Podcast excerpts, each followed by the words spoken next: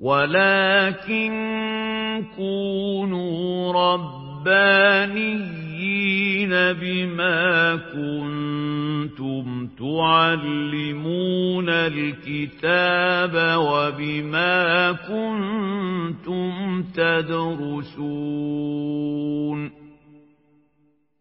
شيخ العمود وأهل العلم أحياء. علم النفس. مع المهندس أيمن عبد الرحيم. المحاضرة الثانية. وقد انعقدت هذه المحاضرة يوم الأربعاء بتاريخ السادس من ديسمبر عام 2017 من الميلاد. الموافق الثامن عشر من ربيع الأول من عام 1439 من الهجرة. بمدرسة شيخ العمود بحي العباسية محافظة القاهرة. حد عنده أي أسئلة أو امتعاضات أو اعتراضات من المرة اللي فاتت؟ حد قرأ التكليفات وعنده ملاحظات؟ امتعاضات امتعاضات اتفضل امتعاض امتعاض امتعاض رقم واحد. مش مهم حجمه. مش تفرق. مش انت بتاع حاسبات؟ امتعض براحتك. يعني حسب ما ما ما قرأت قبل محاضره المرة اللي فاتت عن نظرية نظريه الشك بتاعت هايزنبرج ما كانتش بتقول إن الإلكترون ممكن يمشي ما كانتش بتقول إن الإلكترون بيمشي يمين وشمال كانت بتقول إن الإلكترون بيسلك السلوكين في نفس الوقت. أيوه. كجسيم وكذره أيوه. آه، مش مرة بيأكت كذرة ومره ثانية بيأكت ك مش كذرة لا لا قصدك آه، كموجة قصدك كموجة وكجسيم تمام. ف... ف... لا لو أنا فاهم اللي حضرتك قلته المرة اللي فاتت أنا بس عايز استوضح كلامك صح. حضرتك بتقول إن هو ممكن مرة يتصرف ك... كموجة ومره ثانية يتصرف كجسيم أنا عايز اتاكد إن ده ولا أنا فهمت غلط؟ لا هو أنت عارف إن كل الكلام ده تفريع على آه، على آه، فهمنا للضوء. ماشي. آه، فقعدت فترة الضوء آه، فيزيائيا مستقر إن هو آه، بيتحرك كموجات آه، كمادة أكنه زي موجات الصوت أو موجات المية أو كده. وبعد كده آه، قالوا لأ ده في يعني في أبحاث آه، بتاعت الحيود والتشتت وبتاع فوجئ إن هو لو هو مادي أو موجي المفروض أتوقع انه يسلك سلوك معين طبقا لق- لقواعد معينة في تجربة مشهورة يعني. فلقيني ما بيسلكش كده. ففي ناس قال لأ يبقى خلاص ما بيسلكش كده. وبعد كده قالوا إيه؟ لأ ده هو ليه؟ ليه الطبيعتين؟ فالطبيعتين دول إحنا آه، هل هو بيسلك الحاجات دي باضطراد أو لأ؟ ده إحنا مش عارفين ولكن إحنا مش عارفين نستوثق من ده. ليه؟ لأن إحنا مش عارفين نقيسه. لأني لو قسناه أي حاجة أول ما نوصل لصغر متناهي في الصغر آه، إحنا بنأثر اللي هو بيسموه عندك مشكلتين. مشكلة اللي هو ال observer effect إن انت أنت كمشاهد لما تيجي تقيسه هتتدخل فيه. خلاص؟ وال observer effect بمعنى تاني بس معنى أكثر غرابة إن في أشياء فوجئوا إن هي لها طبيعة مادية مش حيوية أول ما بتراقبها حاجات حية وحاجات غير حية سلوكها بيتغير. حلو جدا. خلاص؟ فبقي العنصر الاحتمالي في الكلام بتاعنا. نرجع للكلام بتاعنا بقى. ان هو العنصر الاحتمالي أنا بقيت ان الحاجة دي ملهاش سلوك واحد لا تحيد عنه. فأنا مش قادر أتوقع بالظبط هو مثلا هينتقل من مستوى طاقة لمستوى طاقة ولا لأ. هيتفاعل ولا ما يتفاعلش. فبقي أنا اللي أنا كنت بدعيه من موثوقيتي أو قطعي بسلوك المادة آه، بقي مش موجود بنفس الموثوقية. فبقي عشان كده حتى ظهر في في كتاب مشهور جدا اسمه فلسفة العلم في القرن العشرين بتاع دكتور آه، يمنى طريف الخولي. كانت دايما آه، هي وكتاب لا عذرا مش ده كتاب اسمه فلسفة الكوانتم. كتاب مهم جدا في اللي إحنا بنقوله. دايما بيقول لك إيه؟ إن المنطق والرياضيات والفيزياء كانوا ماشيين ثلاثة كتف بكتف فكل حاجة موجودة هنا كان بيتطور لها نموذج هنا. فإحنا زمان كان المنطق آه، منطق إما صادق إما كاذب إما يعني zero واحد. والرياضة كان فيها كده والفيزياء كده. لما حصل خلل في الفيزياء كده يعني بقي مش خاضع للنموذج بتاع الصدق وال- والكذب اللي هو true false لا ده ممكن يبقى true نسبة 70% و- ف- عشان كده بالتوازي كان حصل في واحد اسمه لطفي زاده. آه انت ما أعرفش ممكن يكون عدى عليك بس حكم الدراسة أو لا. لطفي زاده واحد آه، أوزباكي مجنس أمريكي. كان ليه ورقة اتنشرت سنة 1969 بعنوان fuzzy logic المنطق الضبابي أو العائم. اللي هو بعد كده بقي في في fuzzy version من كل حاجة إحنا بنتكلم فيها. فبقي في موديل منطقي للتعبير عن الصدق بنسبة 7% والكذب بنسبة 3% اللي هو المنطق الاحتمالي. خلاص؟ فبقي عندنا منطق ورياضيات معبرة عن النموذج الفيزيائي اللي افترضه آه، الحاج هايزنبرج. خلاص؟ فده ده ده, ده, ده اللي إحنا شبه اللي قلناه يعني. لكن لو انت عايز تقرا في حاجة يعني دقيقة في الشبه اللي إحنا قلناه بس دقيقة فعلا اللي هو كتاب فلسفة الكوانتم. لأن هو بيعمل إيه؟ منطق رياضيات فيزياء منطق رياضيات فيزياء يعني يقول لك إيه؟ قعدنا لغاية دلوقتي ثلاث أربع قرون المنطق كذا والرياضيات كذا والفيزياء كذا بعد كده حصل طفرة كذا كذا كده. فهو بيخليك الصورة يعني واضحة جدا للي إحنا كنا عايزين نقوله. بس طبعا يعني إيه؟ إحنا ضربنا مثال يعني مثال عام. ما بحبوش ما بحبش الشخص. ما بقدرش أحيل عليه بصراحة. يعني ما ده بيسموه إيه؟ تحيز الباحث. إيه آه. أصل أنا يعني أنا آه أنا أنا لا أكذب إن أنا عندي عندي تحفظ على أي واحد ملحد بيدرس علوم فيزيائية. ليه عندي تحفظ؟ لأن هو يعني أقرب الناس لدراسة المادة وأكثر الناس عدم منطقية في التعامل مع تبعات ده. فعشان كده أنا الراجل بغض النظر بقى هو بيقول إيه أنا ما بحبوش ما بحبش الشخص فما أقدرش أحيل عليه. ممكن حد تاني يحيل على نفس المحتوى ممكن يقول نفس المحتوى يعني لكن ما بحبوش. فلسفة الكوانتم حلو. ما أعرفش حتى ملة اللي كاتبه إيه لكن التاني أنا عارف. ف... ف يعني أقول لك إيه لا أنا متحيز في ده. بس هو في تاريخ موجز للزمن في أماكن كتير منه يعني يقول إنه هو ملهاش تفسير غير وجود قوة إلهية يعني ما قالش كلمة إلهية هو قال كلمة قوة. أقول لك إن ان, إن الظالمين لا إن إيه؟ يكفرون لا يكذبونك ولكن الظالمين بآيات الله يجحدون. هي فكرة إن هو من دخيلة نفسه؟ هو مرة قال كده قال يعني يعني فكرة فكرة وجود إله دي فكرة يعني أنا مش قادر أتح- أتحملها. هو إيه لا مش قادر أتحملها بسألك آه، آه، آه، تضرب فول بالزيت حلو ولا زيت حر بكلمك عن حقائق علمية. في حد بيقول كده في العلم؟ يقول لك أنا حابب ومش حابب وأنا بعزمك على كابتشينو. آه لو حد عنده سؤال قبل ما نبدأ إحنا كنا حسينا الميكروباص بدأ يتملي خلاص ف علم النفس في 100 عام هل يعني الترجمة سببت لي أزمة في فهم تراكيب ال- ال- ال- اللي يقصد- يقصدها الكاتب يعني؟ أنا- أنت إنسان عربيتك سليمة. أنت فطرتك اللغوية سليمة. أي إنسان الترجمة تجرحه يحس إن في حاجة يحس إن المترجم كان عامل حاجة خطأ خطأ. يعني حتى لو أنت مش عارف تدلل عليها ليه.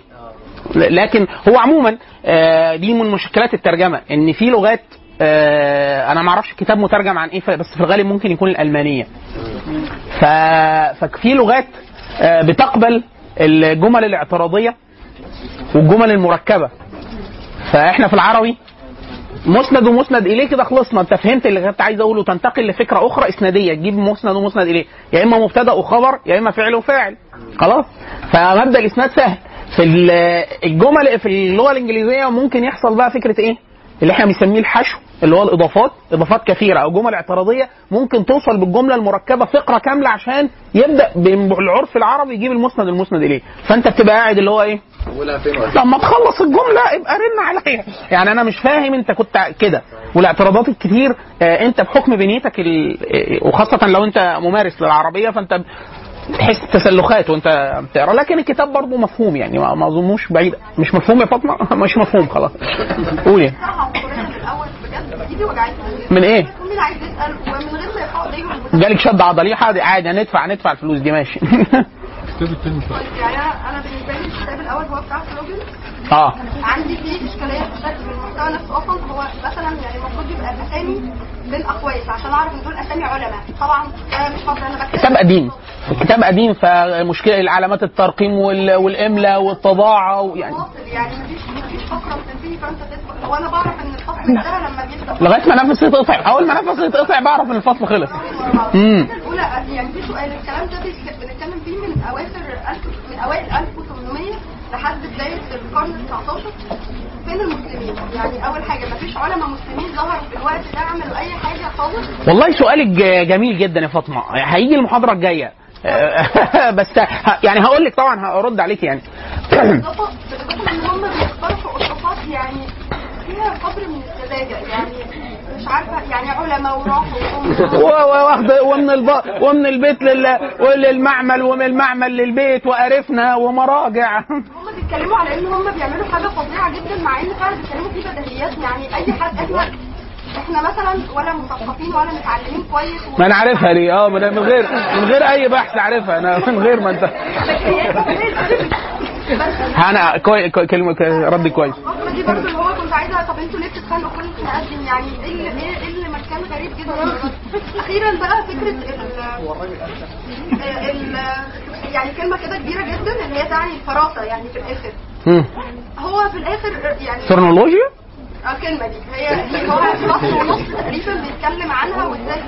أهو بي- بيدل إن مهما كان الإنسان متعلم أو واصل أو كده. ده قعد ترند علمي فترة طويلة يعني. عند ربنا في الأول والآخر. فإحنا برضو يعني نظرتنا كمسلمين غير خالص لما يكون واحد كافر. هو عنده قدر عالي جدا من العبقرية والعلم وعمل أبحاث كلها بالحس كده. أنا حاسس إن الكلام ده بضميره. والناس والغريبة بقى إن الناس عجبها. يعني هو مع تقدمهم وعلمهم الناس بيعجبها التخلف طيب. طيب حلو. السؤال اللي قالته فاطمة ده سؤال جوهري. يعني السؤال ده اخواني اخواننا هو جوهر أحيانا جوهر للمشكلة العلمية في على مر التاريخ. اللي هو إيه؟ تعريف ما هو علمي وما هو غير علمي. ده واحد اتنين مدى إدراكنا إحنا لمدى جهلنا كبني آدمين.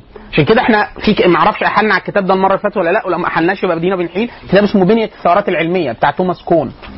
بنية الثورات العلمية لتوماس كون. إمتى بيحصل طفرة في العلوم؟ السؤال اللي قالته اسم حضرتك إيه؟ اسم؟ آه. أسحار؟ جمع. طيب آه الاستاذه أسحار هي ردت رد كويس. اللي هي فكرة إيه؟ إن هو مدى بقدر ما تبدو الأشياء بديهيه يعني واحد يقول لك إيه؟ أنا اكتشفت ان إحنا آه، الشعور ده مش عارف. طب ما انت بتقول حاجة بديهية. لا لا ما هو ده ساعتها كان الفكرة في إيه؟ اللي انتقال للمنهج العلمي اللي إحنا قلنا خطواته المرة اللي فاتت ان هو أنا عايز أقول حاجة وما اقولكش ان دي احاسيسي أنا عايز كلام. فالكلام ده عشان يوصلوا للقدر من العلمية دي قعدنا مثلا 100 100 سنة 150 سنة عمالين يحاولوا يطلعوا من المبحث الفلسفي. هيموتوا ويطلعوا من المبحث الفلسفي. ليه؟ المبحث الفلسفي كتاب اسمه الفلسفة اسمه الفيزياء والفلسفة. يا لهوي! واحد فيزيائي مسك الفلاسفة يعني إن لله وأنا راجعون. بهدلهم. إيه السبب؟ اللي هو إيه؟ هو البحث الفلسفي هو ده اللي مطلع عينيهم عشان يخرجوا منه قعدوا مثلا 100 سنة ولا 200 سنة بيعالجوا نفسهم. إيه السبب؟ إن كل واحد في الفلسفة يقول لك إيه؟ ديكارت أنا حاسس إن الفرق بيننا وبين الحيوانات لا ما تحسش. ما تحسش. يعني إيه؟ إيه إيه اللي يخليك تحس؟ هو ده وده نقعد بقى كده 50 سنة ولا 100 سنة ناس مقتنعة بكلام ديكارت. يجي واحد تاني يرد رد مختلف وهكذا. اللي هو فاطمة امتعضت عليه. لهذا الناس حاولت تدندن فترة طويلة جدا إن إحنا إخواننا يجب أن نختار طريقة طريقة للتفكير المنهجي بحيث لما نطرح أطروحة الأطروحة دي ما تاخدش ما تبقاش دوجما يعني كده عقيدة من غير أي اثباتات ولا دين. بالمعنى السيء للدين لأن أوروبا كان طلع عينيها من الكنيسة الكنيسة قالت له الأرض مسطحة والشمس بتلف على الأرض والجغرافيا كان كتاب اسمه الجغرافيا الكنسية. واي حد يخالف ده هرطيق. يعني إيه هرطيق ده؟ يعني زملكاوي ده ولا هيعمل إيه؟ لا يقتل بدون أن يراق دمه. يعني إيه؟ طب هتقتلوه إزاي؟ زغزغه اللي هو يولعوا يولعوا فيه. خلاص؟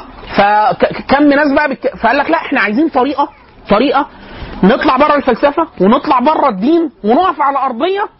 ده غير منطقي. اللي هو. أنا هو أنا بقول لك أنا يا فاطمة أنا بقول لي يا فاطمة ركزي معايا شوية. بقول لك هم قالوا كده. هم يعني راوي الكافر ليس بكافر. راوي الكفر ليس بكافر أو ناقل الكفر. ده الهدف اللي كان وعلى فكرة أوروبا من حسناتها ان هي عملت ده. ليه؟ لأنه الدين بالمعنى المسيحي في هذا الوقت وصل لمرحلة إن هو إيه؟ خنق الملكات البشرية وخنق الأفق السياسي وخنق يعني العلمانية كانت في هذا الوقت قرار غاية في العقلانية إن هم يعملوه. يعني أنا مثلا آه، عندي كنيسة البابا بيزعم إن هو راجل ما بيتجوزش ما بيتجوز؟ ابنه هو البابا. طب يا عم! طب- طب نعقل الكلام قبل ما نقوله. حضرتك ما اتجوزتش الواد ده إيه انابيب خلاص وهكذا. حاجات زي كده بقى الجغرافيا الكنسية فكرة ال... ال... إن ده يخش الجنة وما يخشش الجنة إن الكنيسة يعني وصلت لمرحلة إن هو كان العلمانة حل عقلاني تماما. يا إما نستعيد إنسانيتنا ال... ال... كأوروبا. حصل ده في الإسلام بقدر. لولا إن علماء الإسلام كانوا عندهم سبحان الله العظيم إحنا دايما بنقول فكرة إيه؟ إن هي رسالة خاتمة إن تشوه كما شوهت الرسالات بسبب إيه؟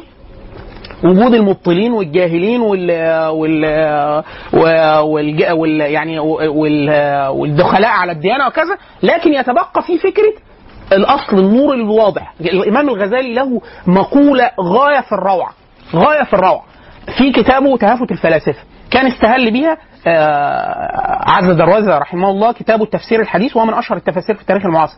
كان ع- محمد عز دروازة له كتاب تفسير اسمه التفسير الحديث، واحد من أواخر الدولة العثمانية لحق السلطنة العثمانية قبل الانهيار. قال أنا عايز أكتب تفسير يخلو من كل عيوب التفاسير القديمة. منها التحكمات الفلسفية والشرعية على العلم وبتاع شوية كل الحاجات اللي كانت تعباه وبدأ يجيب إيه نقول فجاب النقل ده في مستهل التفسير وإلا المقولة نفسها متجابة من ته- تهافت الفلاسفة للإمام الغزالي. الغزالي بيقول إيه؟ بيقول لما وقع الصراع والخلاف ما بين المتشرعين يعني علماء الفقه وكذا وبتاع مع الفلاسفة وكان معظم المشتغلين بالعلوم الطبيعية اللي هو بيسموها في وقتها علوم الحكمة والفلك والرياضيات والعلوم الدقيقة أو العلوم الطبيعية مش الشرعية كانوا الفلاسفة فوقع الخلاف ما بين المتشرعين والفلاسفة. مين اللي بيتفرج؟ مين الجماهير؟ عامة المسلمين. فعامة المسلمين سألوا المتشرعين يا مولانا هو الراجل بتاع الطبيعة ده إيه؟ قال له كافر كافر ابن كافر ليه؟ بص بقى قال له لأنه بيقول في ذات الله عز وجل كذا كذا كذا الفلاسفة دول كانوا مشتغلين بحاجتين. بالفلسفة مطلق الفلسفة فمنها داخل الكلام في الإلهيات ومنها كلام في الطبيعة في الفيزياء والفلك وكده. فالإمام الغزالي بيقول إيه؟ بيقول لما سألوا المتشرعين قالوا لهم هم ضلال الفلاسفة يعني ضلال في العقليات والالهيات وكذا. خلاص؟ طب أنا راجل عامي مش عارف هم ضلال ليه بس أنت اللي قلت إيه؟ أنت الفقيه قلت إن هم ضلال. وبعد كده راح سأل الجماعة بتوع الطبيعيات قال لهم اخوانا هو أنتوا إيه رأيكم في الفقهاء؟ قال لهم ده عالم مجانين. هو بيكذبوا على الله عز وجل وبتاع. قال لهم ده بيقولوا عليكم أنتوا كفار وضلالين. خلاص؟ قال لهم يا عم أنتوا تصدقوا علينا الكلام؟ قال والله ممكن نصدقه يعني ما لأنه العامه ده راجل ما عندوش. قال له طب بص أنا أنا هقول لك حاجة مشتركة بيني وبينك وبين الراجل المتشرع بتاعك ده. الفلك. شوف القمر. قال له آه شوف الشمس. أه في حد عاقل ينكرهم؟ قال له لا ده يبقى راجل ابن يعني جماعة كفار أكيد. فقال له إيه؟ طيب القمر ده هيخسف بعد كذا كذا كذا. والشمس دي هتكسف بعد كذا كذا. برقم دقيق جدا. فالناس قالوا إيه؟ نستنى. قالوا الجمل طلع النقد نشوف. استنوا وقع ما أخبر به الحكماء في الطبيعيات على ما وصفوا. القمر كسف كسف ولا الشمس خسف فالناس العوام قالت إيه؟ هم قالوا عليهم كفار في الإلهيات. فهم التانيين قالوا كلام حلو في الطبيعيات. طلع الكلام حلو في الطبيعيات. يبقى هم صح في الإلهيات. آه لا ما هو بما إن اذا ما هو الراجل أنت كنت بتقول عليه كافر في الاثنين عشان كده أبو حامد الغزالي بيقول إيه؟ فكان يجب أن ينحصر الصراع ما بين المتفر... المتشرعين والفقهاء. والفلاسفة ان لما أسألك الفيلسوف ده ضلالي في الإلهات ولا لا؟ تقول لي ضلالي. ليه؟ أقول لك لأن قال قال الله عز وجل وقال رسول الله صلى الله عليه وسلم والسلف الصحابة والتابعين ومن تبعهم بإحسان إلى يوم الدين قالوا كذا وكذا وكذا وما لم يكن يومئذ دين فلن يكون اليوم دين. مقوله الامام مالك رضي الله عنه. إن الدين ثابت لا يتبدل بتغير الزمان والمكان. الدين يعني قاطع الدين اللي هو التصور. تصور عن الإله والجنة والنار ده ما بيتجددش ده حاجة أساسية. فلو فلو اكتفوا بهذا لا إيه؟ قال لك ان هم زودوا من عندهم. قالوا هم ضلال في الطبيعيات أيضا. فلما وقع في قلب العامه إن هم صادقين في الطبيعيات قالوا ليه يبقوا كمان صادقين في الإلهيات؟ فعاد المت... فعاد المتشرعون على الأصل الذي أرادوا أن ينصروه بالنقد من حيث أرادوا هدمه يعني هم من نصرته. يعني هو كان عايز ينصر دينه. لا هدمه. بسبب إن هو إيه؟ دخل الاثنين في بعض. فأوروبا لا اللي عملته من ناحية إيجاد منهج علمي للتفكير ده كويس. بعد كده هيتطور ده هتطور ده لأدوات لطعن في الديانة، المشكلة إن الأدوات كانت سليمة برضه، يعني هو جه قال لك إيه؟ أنا هطور آه، مناهج تجريبية وفي التاريخ وبتاع فهبص تشوف الكتاب المقدس ده كتاب قالوا إله فعلا ولا لأ، هوب حط قواعد طلع لأ الكلام داخل في بعضه وتاريخيا مش مظبوط ومالوش وثائق، قال لك الدين يبقى ده مش مظبوط، وخد نفس الأدوات وكمل على الديانات الثانية، مسك التوراة عمل فيها كده ومسك العهد الجديد عمل كده ومسك الكتب المقدسة بتاعت ال- الهنود عمل فيها كده وجه على القرآن يعمل كده اللي إحنا سميناها في التاريخ المعاصر حركة الاستشراق. اللي هو جه بنفس الادوات اللي جربها هناك في أوروبا. بعد ما خلص عصر النهضة وكسب معاركه تماما مع الديانة وجاي مع الديانات الأخرى وخد نفس المعركة. في أجزاء منها عمل تشويش ضخم جدا وفي حاجات فيها علماء المسلمين. لما آه، تعرضوا ليهم آه، قالوا لهم لا الكلام ده مش يعني أنتوا مثلا كل اللي أنتوا عملتوه هناك أنتوا افتكرتوه نفع عشان آه أنتوا جربتوه في دين. لكن إحنا الدين ده غير ده ده طرأ عليه تشويق والمعركة قائمة حتى الآن. خلاص كده؟ فنرجع تاني. النقطة اللي إحنا كنا بنحيل عليها اللي هو اعتراضها في محله الأستاذة فاطمة لفكره إن هو بيقول حاجات بديهية. تبدو بديهية؟ لا هي ممكن تكون بديهية بس إحنا عايزين إيه؟ يعني أنتوا مثلا تتعجبي جدا لو انت رحتي لحد من بتوع فلسفة الرياضيات وقلت له إحنا عايزين نثبت واحد بيساوي واحد. إن واحد واحد.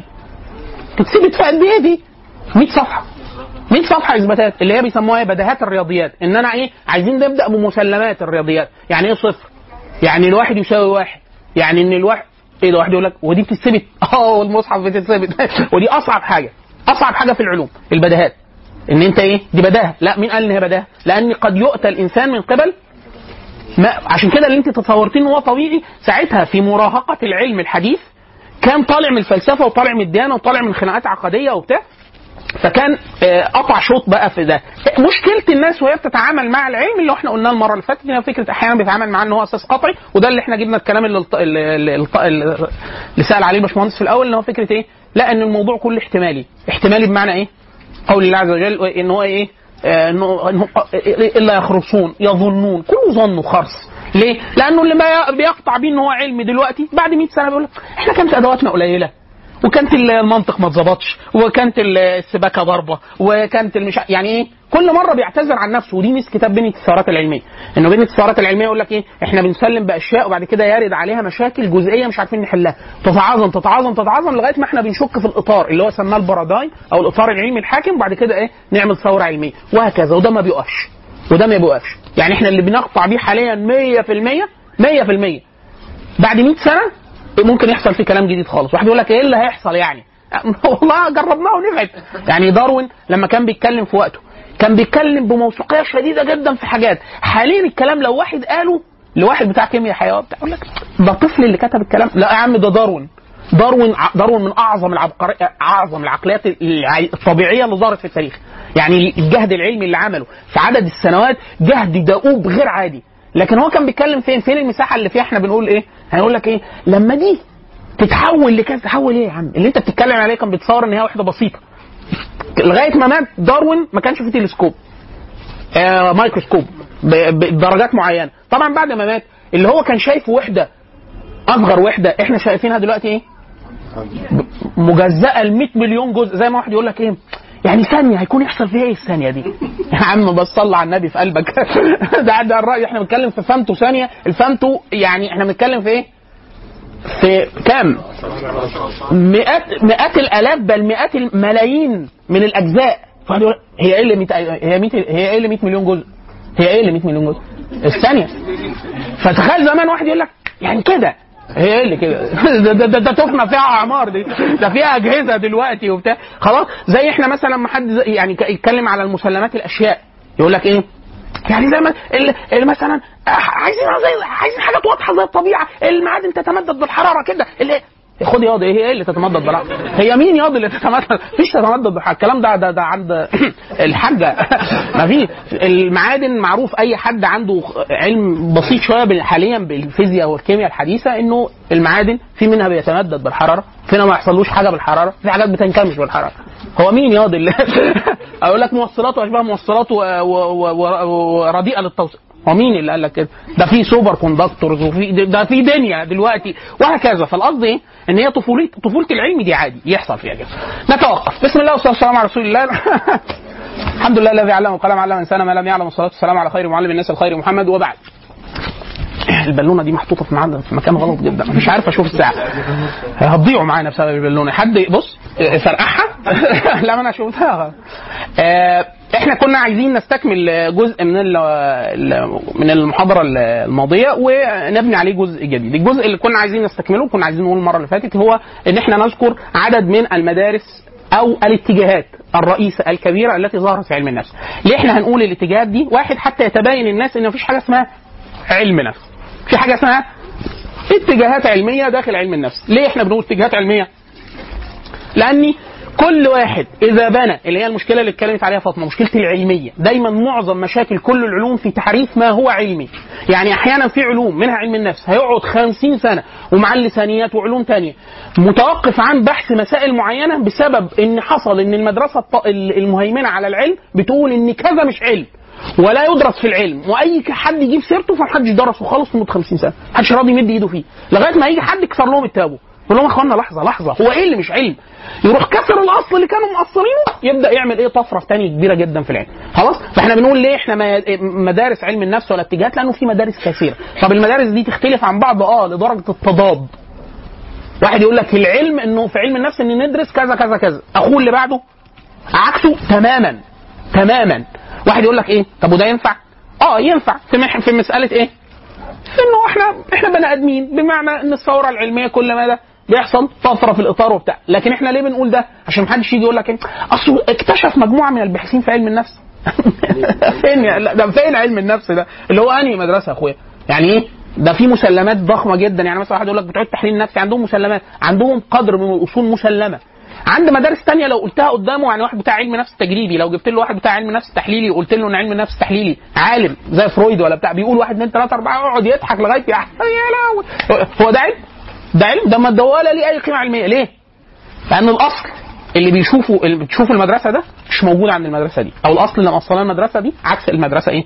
الثانية طيب نبدأ. آه المدرسة الأولى بحكم النشأة إحنا قلنا إن الكلام في اوليات العلوم عسر لكن إحنا من باب التصالح مع الذات التصالح مع الذات. إحنا قلنا إن الناس بتقبل الكلام إن فيلهلم فونت بتاسيسه المعمل سنة 1879 في ألمانيا في جامعة لايبزج آه، هو المؤسس الحقيقي لعلم النفس التجريبي وإحنا قلنا إن الكلام ده إيه؟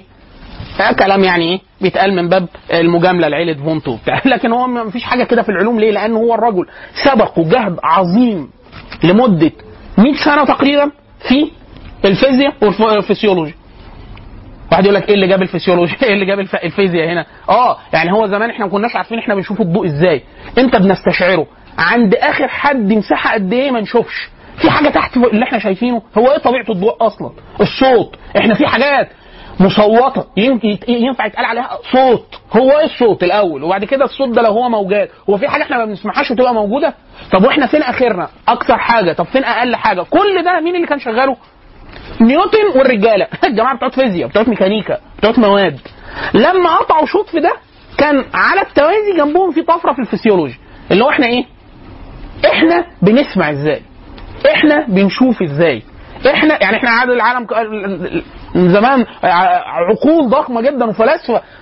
كان يقول لك إن إحنا بنشوف بسبب إن إحنا في شعاع بيطلع من الضوء. طب يا عم الحاج سهلة. سهلة. أخش في الضوء. واحد يقول لك شوف يا أخي بديهيه إزاي؟ بديهيه إيه؟ ده ده قعدوا 300 400 سنة عشان واحد يقعد في أوضة ضلمة يا فندم.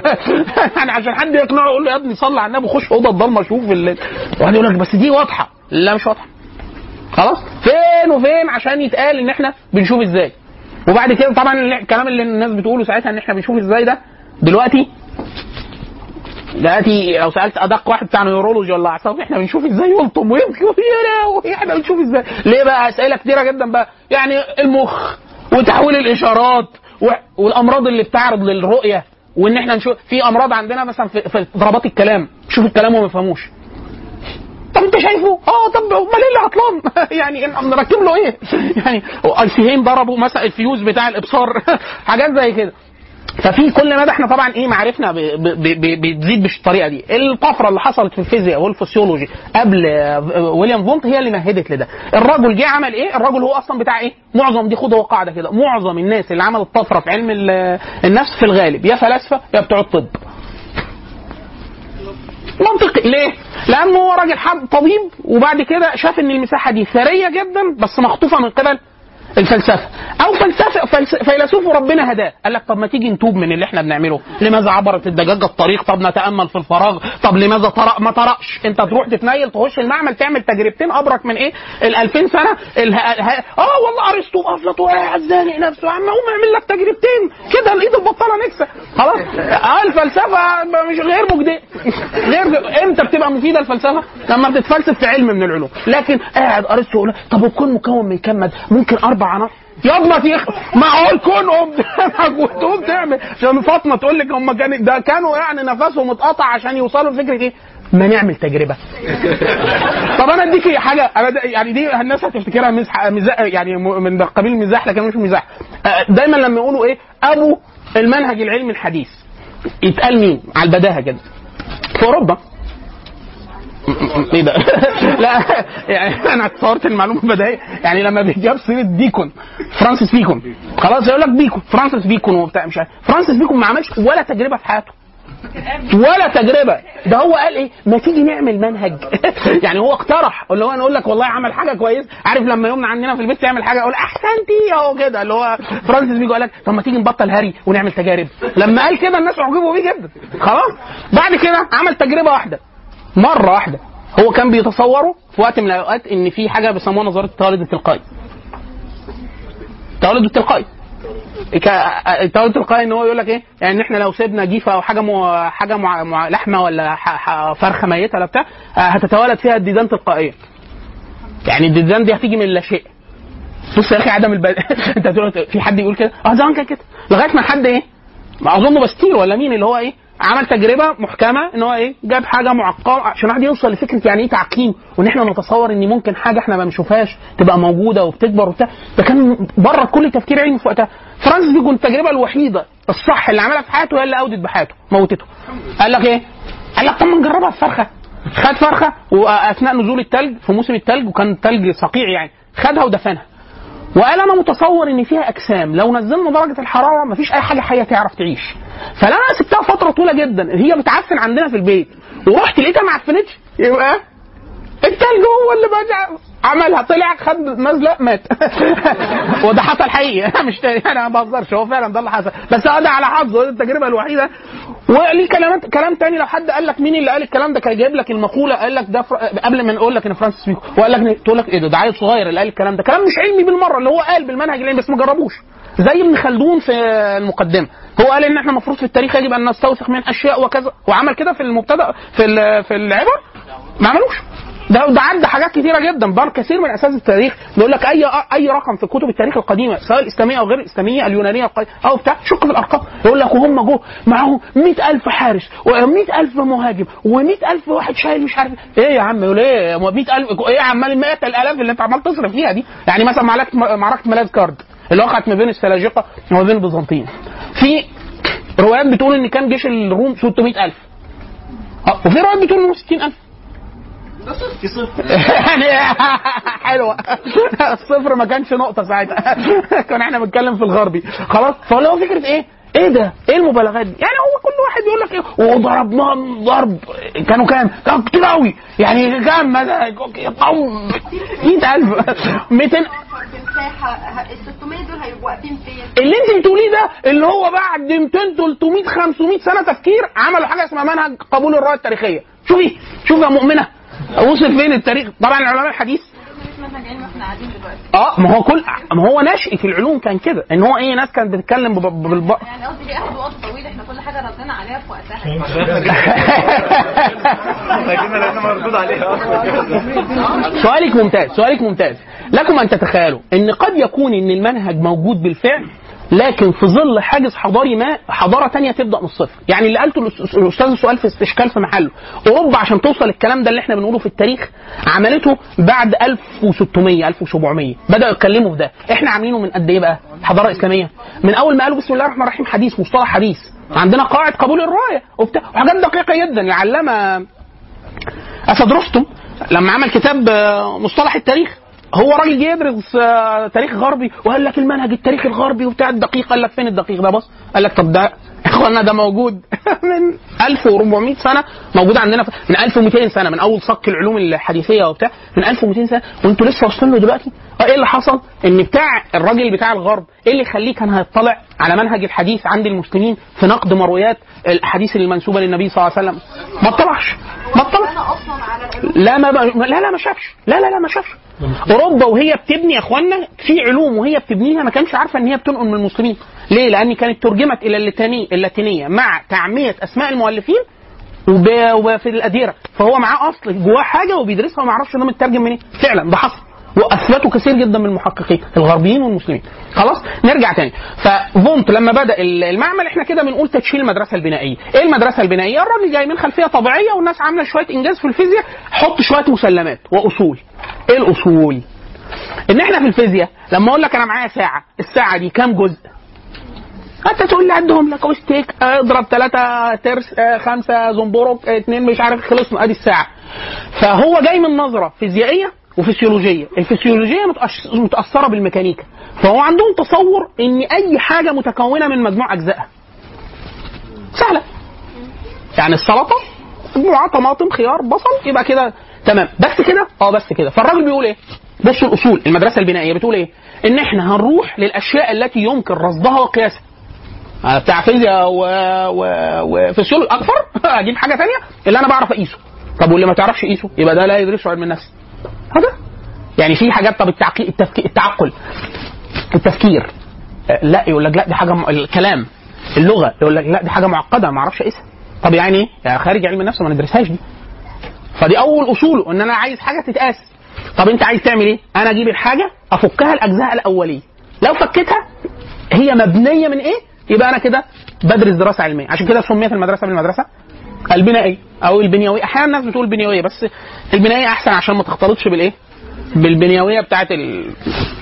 بتاعت اللسانيات وغيره. لكن الشاهد كان لها فكرة إيه؟ هو طبعا متشابهين في حاجة ان هي فكرة ان هو بيفتت حاجة لمجموعة عناصر جزئية.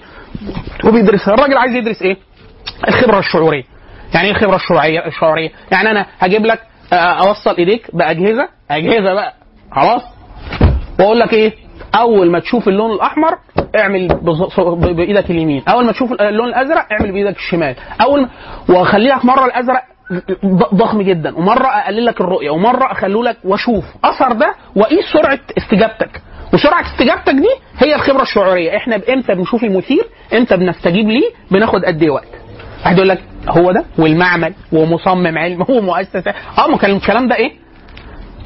إن حد يفكر إنه إيه يشوف إحنا بصريا بنلقط الألوان إزاي وبنستجيب ليها إزاي و والزمن ده اللي هو بعد كده سموه سموه, زمن الاستجابة وزمن كمون الاستجابة. عندنا مش عارف 20 زمن في في القياسات النفسية. كل ده كان إيه؟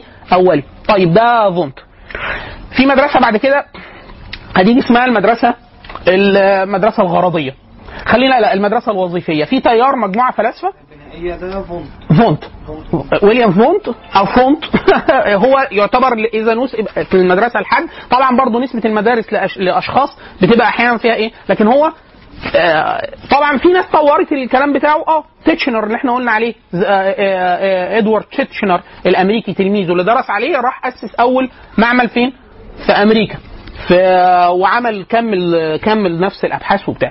لكن في هتظهر بعد كده مدرسة دي أمريكية صرفة برضه اسمها آه، المدرسة الوظيفية. دي أعلامها آه، أسماء كبيرة جدا في الفلسفة. هم فل- فلاسفة وتربويين وفي نفس الوقت بتوع علم نفس. سابوا بصمة في الثلاث مساحات. ويليام جيمس وجون ديوي. طبعا الاثنين كبار جدا في الفلسفة والاثنين كبار جدا في التعليم والتربية والاثنين كبار جدا في علم النفس. آه ويليام جيمس هيبدأ يقول إيه؟ كل مدرسة يا اخوانا بتيجي بتستشكل المدرسة اللي قبلها تستشكل في حاجة أساسية. إيه الاستشكال اللي ظهر على المدرسة بتاعت آه، فونت؟ تقول لي فونت ده إحنا هنقيس الحاجات إزاي؟ يعني أنا أنت هتقيس خبرتي الشعورية إزاي؟ يقول لك الحاجة اللي بتتقاس. طب أنت هتعرف أنا بعمل إيه من جوه؟ ما أنت عايز تدرس علم نفس بقى مش حاجة تانية مش فيزياء ولا بتاع. يقول لك آه ما إحنا هنستخدم طريقة الاستبطان. اللي هي أنا هجيب واحد متدرب جدا ان يحس يعبر عن اللي حسه أثناء الخبره الشعوريه يعني؟ يعني قول لي أول ما شفت اللون حصل إيه؟ وإزاي خدت قرارك تضغط بإيدك اليمين ولا بالشمال؟ فهم قالوا له لحظة لحظة لحظة. هو أنت هتبني الدراسة العلمية على إن الراجل هيوصف إيه؟ قال لهم آه ودي الطريقة الواحدة الاستبطان ده. الاستبطان التحليلي ده. فقالوا له لا الكلام ده كلام فارغ. فالنقود الأولانية قالوا له أنت بتعتمد إيه؟ قال لهم الاستبطان والأشياء الظاهرية المقيسه. قالوا له إحنا عايزين نقيس حاجات. غير دي الأو... لا دي المدرسة البنائية كانت بتعمل كده. الاستبطان. لا أشخاص مدربين. إن أنا أكون مدربك إن انت تحسي تعبري عن اللي انت حاسة بيه.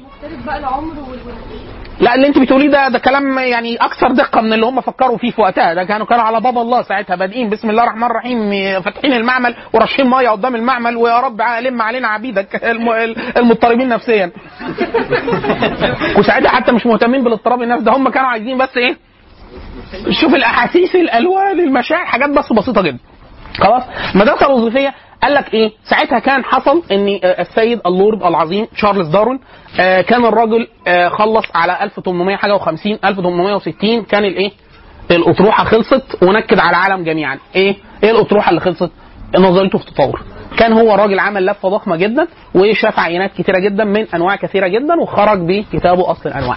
طبعا داروين عامل زي داروين في العلوم الطبيعية عامل زي الماركسية في العلوم الإنسانية. قنبلة اترمت ومحدش عرف يلم أكنك عارف لما تجيب قنبلة وتفجرها في محل صيني. مفيش حاجة قاعدة في مكان على محل فخار قناوي عارف الزلعة ال- ال- آه مفيش حاجة قاعدة في مكانها. إيه السبب؟ إن داروين خلى الناس كلها يخش في في طريقة تفكيرها مسلمة من المسلمات. يعني مثلا داروين أثر في بتوع الجيولوجيا. بتوع الجيولوجيا كان عمالين يبصوا للقارات وهيتجنن يعني إحنا معانا البيروني البيروني كان عايش سنة 1000 يمكن ولا 1100 كان بيقول إن ما الأشياء التي تبدو لنا الآن جبال قد تكون كانت في سالف الزمان قيعان بحار. والأشياء التي تراها الآن بحار قد تكون في كانت في سالف العصر جبال. ثم طرأ عليها ما يطرأ على الأشياء. إيه؟ بالتأمل والبحث. طبعا البيروني عقلية علمية ده كان بتاع كيمياء وأوزان نوعية وفلك ورياضيات وبتاع. يعني إيه؟ كان حد تقيل جدا. فمن الناحية العلمية بالمعنى الغربي لا هو سابقهم إيه؟ تقريبا تقريبا ب 700 سنة 800 سنة البيروني. حررا كده البيروني. في في حاجة واخدة عاملة ترجمة محترمة للبيروني؟ ليه؟ طبعا كتير. ده إدوارد سخاو آه، كان بيقول عليه أعظم عقلية فيزيائية ظهرت في تاريخ البني آدمين على البيروني. خلاص؟ لكن هو في حاجة مكتوبة ما أعرفش مترجمة ولا لا الاتحاد السوفيتي لما احتفل بالاتحاد السوفيتي ترجم للبيروني طبعا على رأس أعظم علماء السوفيت في التاريخ. كدابين قوي. السوفيت لأن الاتحاد السوفيتي كان داخلة جواه آه، أوزبكستان. اللي هو خلاص؟ لكن لا لو انت عايز تقرا لو انت عايز تقرأ حاجة حاجة مباشرة على البيروني كان كان عاملين مرة ملف اسمه عبق- عباقرة علماء المسلمين أو حاجة زي كده. كان شامل جواها البيروني. أو الموسوعة الموسوعة موسوعة العلوم العربية بتاعت رشدي راشد. طبعا هتطير وراه في أربع خمس علوم لأن هو البيروني ألف 200 كتاب. 180 منهم باللغة العربية. هو كان يتقن خمس لغات اللغة الخوارزميه لغة أهله والفارسية والسنسكريتية والعربية والرومية ولسان آخر اظن العبراني وكذا. كان ليه مراسلات فلس... مراسلات فلسفية ضخمة مع ابن سينا في وقته لأنه كان معاصر ابن سينا وكان كتابه اللي هو ال... آه، تحقيق مال الهند من مقولة مقبولة في العقل أو مرزولة. الكتاب ده ظل هو المرجع الرئيسي منذ أن كتب يعني 1100 لغاية 1700 حاجة و50 لما الإنجليز دخلوا الهند. أعظم كتاب أنثروبولوجي وتاريخي وعقدي اتكتب في تاريخ الهند. تحقيق مال الهند من مقولة. وطبعة الذخائر أحسن طبعة طبعه الطبعه المصرية محقق. خلاص؟ لكن الشاهد ان آه، البيروني انتقد فكرة التطور دي. بس إحنا زي ما بنقول إيه؟ بالملاحظات. إحنا عندنا كان في منهجين قبل استقرار المنهج العلمي الحديث. منهج اسمه منهج الاستقراء. ده يشبه التفكير المنطقي. ومنهج الاست- الاستنباط الرياضي. بما ان هذا الاستنباط الرياضي آه، الجماعة بتوع الحاج فيثاغورس والرجالة الفراعنة والناس اللي عملت المعمار وبتاع المنهج الاستنباط الرياضي عملوا بيه شغل كويس جدا. والمنهج المنطقي حصل فيه بالاستقراء شغل كويس جدا لأنه حاول الاصوليين كل العلوم الثانية عملت كده. إن يجمع بين الاثنين ما بين الاثنين مع فكرة التجريب وإدخال الحس المشترك وبتاع ده كان من المميزات الضخمة جدا للمنهج التجريبي الغربي بعد ما استقر. وإلا المسلمين مارسوا ده بشكل موسع بس. طبعا التقانه بتفرق جدا. إحنا دايما بنقول في بعض الناس لما تحب تت- تتطرف يعني تقال تقاس الحضارات بما تستطيع أن تقيسه. يعني أنت تعرف تقيس إيه؟ أقول لك أنت فين في الحضارة. تعرف تقيس إيه؟ ليه؟ لأن أنت لما تعرف تقيس حاجة معناها إن أنت مستوى استبصارك بالكون اللي أنت شايفه دقيق جدا. زي بالظبط لما إيه أجيب لك آه، ميزان. ميزان. الميزان ده آه مثلا أقول لك إيه كيلو كيلو كيلو كيلو 100 جرام يعني زي بعض. أنت بتبيع إيه قوطة؟ آه يعني أنت بتبيع حاجة إيه؟ حاجة كبيرة جدا. لو رحت لبتاع ذهب أنا كنت مره عند بتاع ذهب وبدفع فلوس فالراجل خد مني فلوس مقفوله برزمه البنك. أنا تصورت إيه؟ أنا إيه؟ دايما بيستهويني أسئلة الطفولية. دايما يقول لك الإنسان بالنسبة للشيء اللي يجهله طفل. فأنا يعني إيه؟ هعدهم إزاي؟ يعني هو ده هو ده السؤال اللي هو إيه؟ فراح مسكهم. الراجل إيه؟ قاعد اللي هو عارف الإنسان اللي بيبقى قاعد مع كرشه هو ده. فقاعد اللي هو قاعد إيه؟ عد فلوس لما ومسك الفلوس حطها كده رماها على إيه؟ على الميزان ميزان الذهب. حط الرزمه فقال لي لا دي زايدة. زايدة ورقة. ف... مش ساحرة. ف... فجاء مسك واحد عداها قال له لا مظبوطة. فخدها تاني ورماها. قال له آه عشان الشتاء. الفلوس نف... الفلوس واخدة مية مرطبة. فزايدة. هو بيعيد إيه؟ بيوزن إيه؟ بيوزن إن الكذا رزمة ال 10000 توزن كذا. ال 20000 توزن كذا. والكسور هيتعدوا. عملت عليها إيه؟ ده إحنا بنكتب عليها قصة حياتنا. هبة أحبك سهم. ده في انت عارفين إن الحاجات المكتوبة دي بيتعمل عليها دراسات؟ في ناس بتاخد بيها دكتوراه. في رسالتين من أهم الناس بتتصور إن أنا أي حاجة يا إخوانا أنا بقول على سبيل المزاح اعر- اعرفوا إن هي إيه؟ على سبيل المزاح وفيها دراسة. والله العظيم يعني خدوا خدوني بجدية. وفي واحد صديقي كان بيقول لي قاعد أتفرج مرة على محاضرة ليا وأمه معدية وراه وقعد ساعة هي جابت فشار وقعد "آه!" عايز يقنعها إن هو بيقول كلام جد وعلمي بس بيصوم. تقول له والله زي يوتيوب. يا حاجة ده مش مش الأولاد كبرت. كلام علمي بس إحنا بنصوغه بشكل هزلي مش أكتر. في رسالة مهمة جدا اسمها هتاف الصامتين. دي هتاف الصامتين اللي هي إيه؟ ما, ما تبصليش بعين رضيه شوف اللي اتدفع فيا. آه ما فيش حبايب طول ما انت غايب يا ابو محمد. آه ال- الاميرة يارا واسماعيل. مين اسماعيل ده يا حاج؟ وهكذا. اللي هي الكلام المكتوب على الميكروباصات والعربيات الربع نقل والتكاتك. خلاص؟ آه وهكذا. الحاجات دي. آه دي حد قال لك لأ. ده في ناس آه بتقول حكمة بس عاجز. إحنا بنسميها الشفرة المقيدة في اللسانيات. عايز يقول حكمة عميقة جدا بس لا هيقول شعر ولا مش عارف إيه. فبيكتب حاجة حاجة مختصرة. دي كود امضى خلاص؟ تويتر. بس تويتر إيه؟ آه، شعبي متنقل. فتاخد رساله ومطبوعة طبعه ال- المكتبة مكتبة الأسرة أو الهيئة المصرية للكتاب. وفي آه، كتاب تاني ده بس الدراسه بتاعت اللي هو آه، اسمه إيه؟ آه. اللي هو رسائل الإمام الشافعي اللي هو عويس اسمه؟ سيد عويس. العلام علامة علم الاجتماع. عمل إيه؟ إحنا في خناقة طبعا خناقة عقديه كبيرة جدا. هو أنا آه، الاستغاثه بالموتى.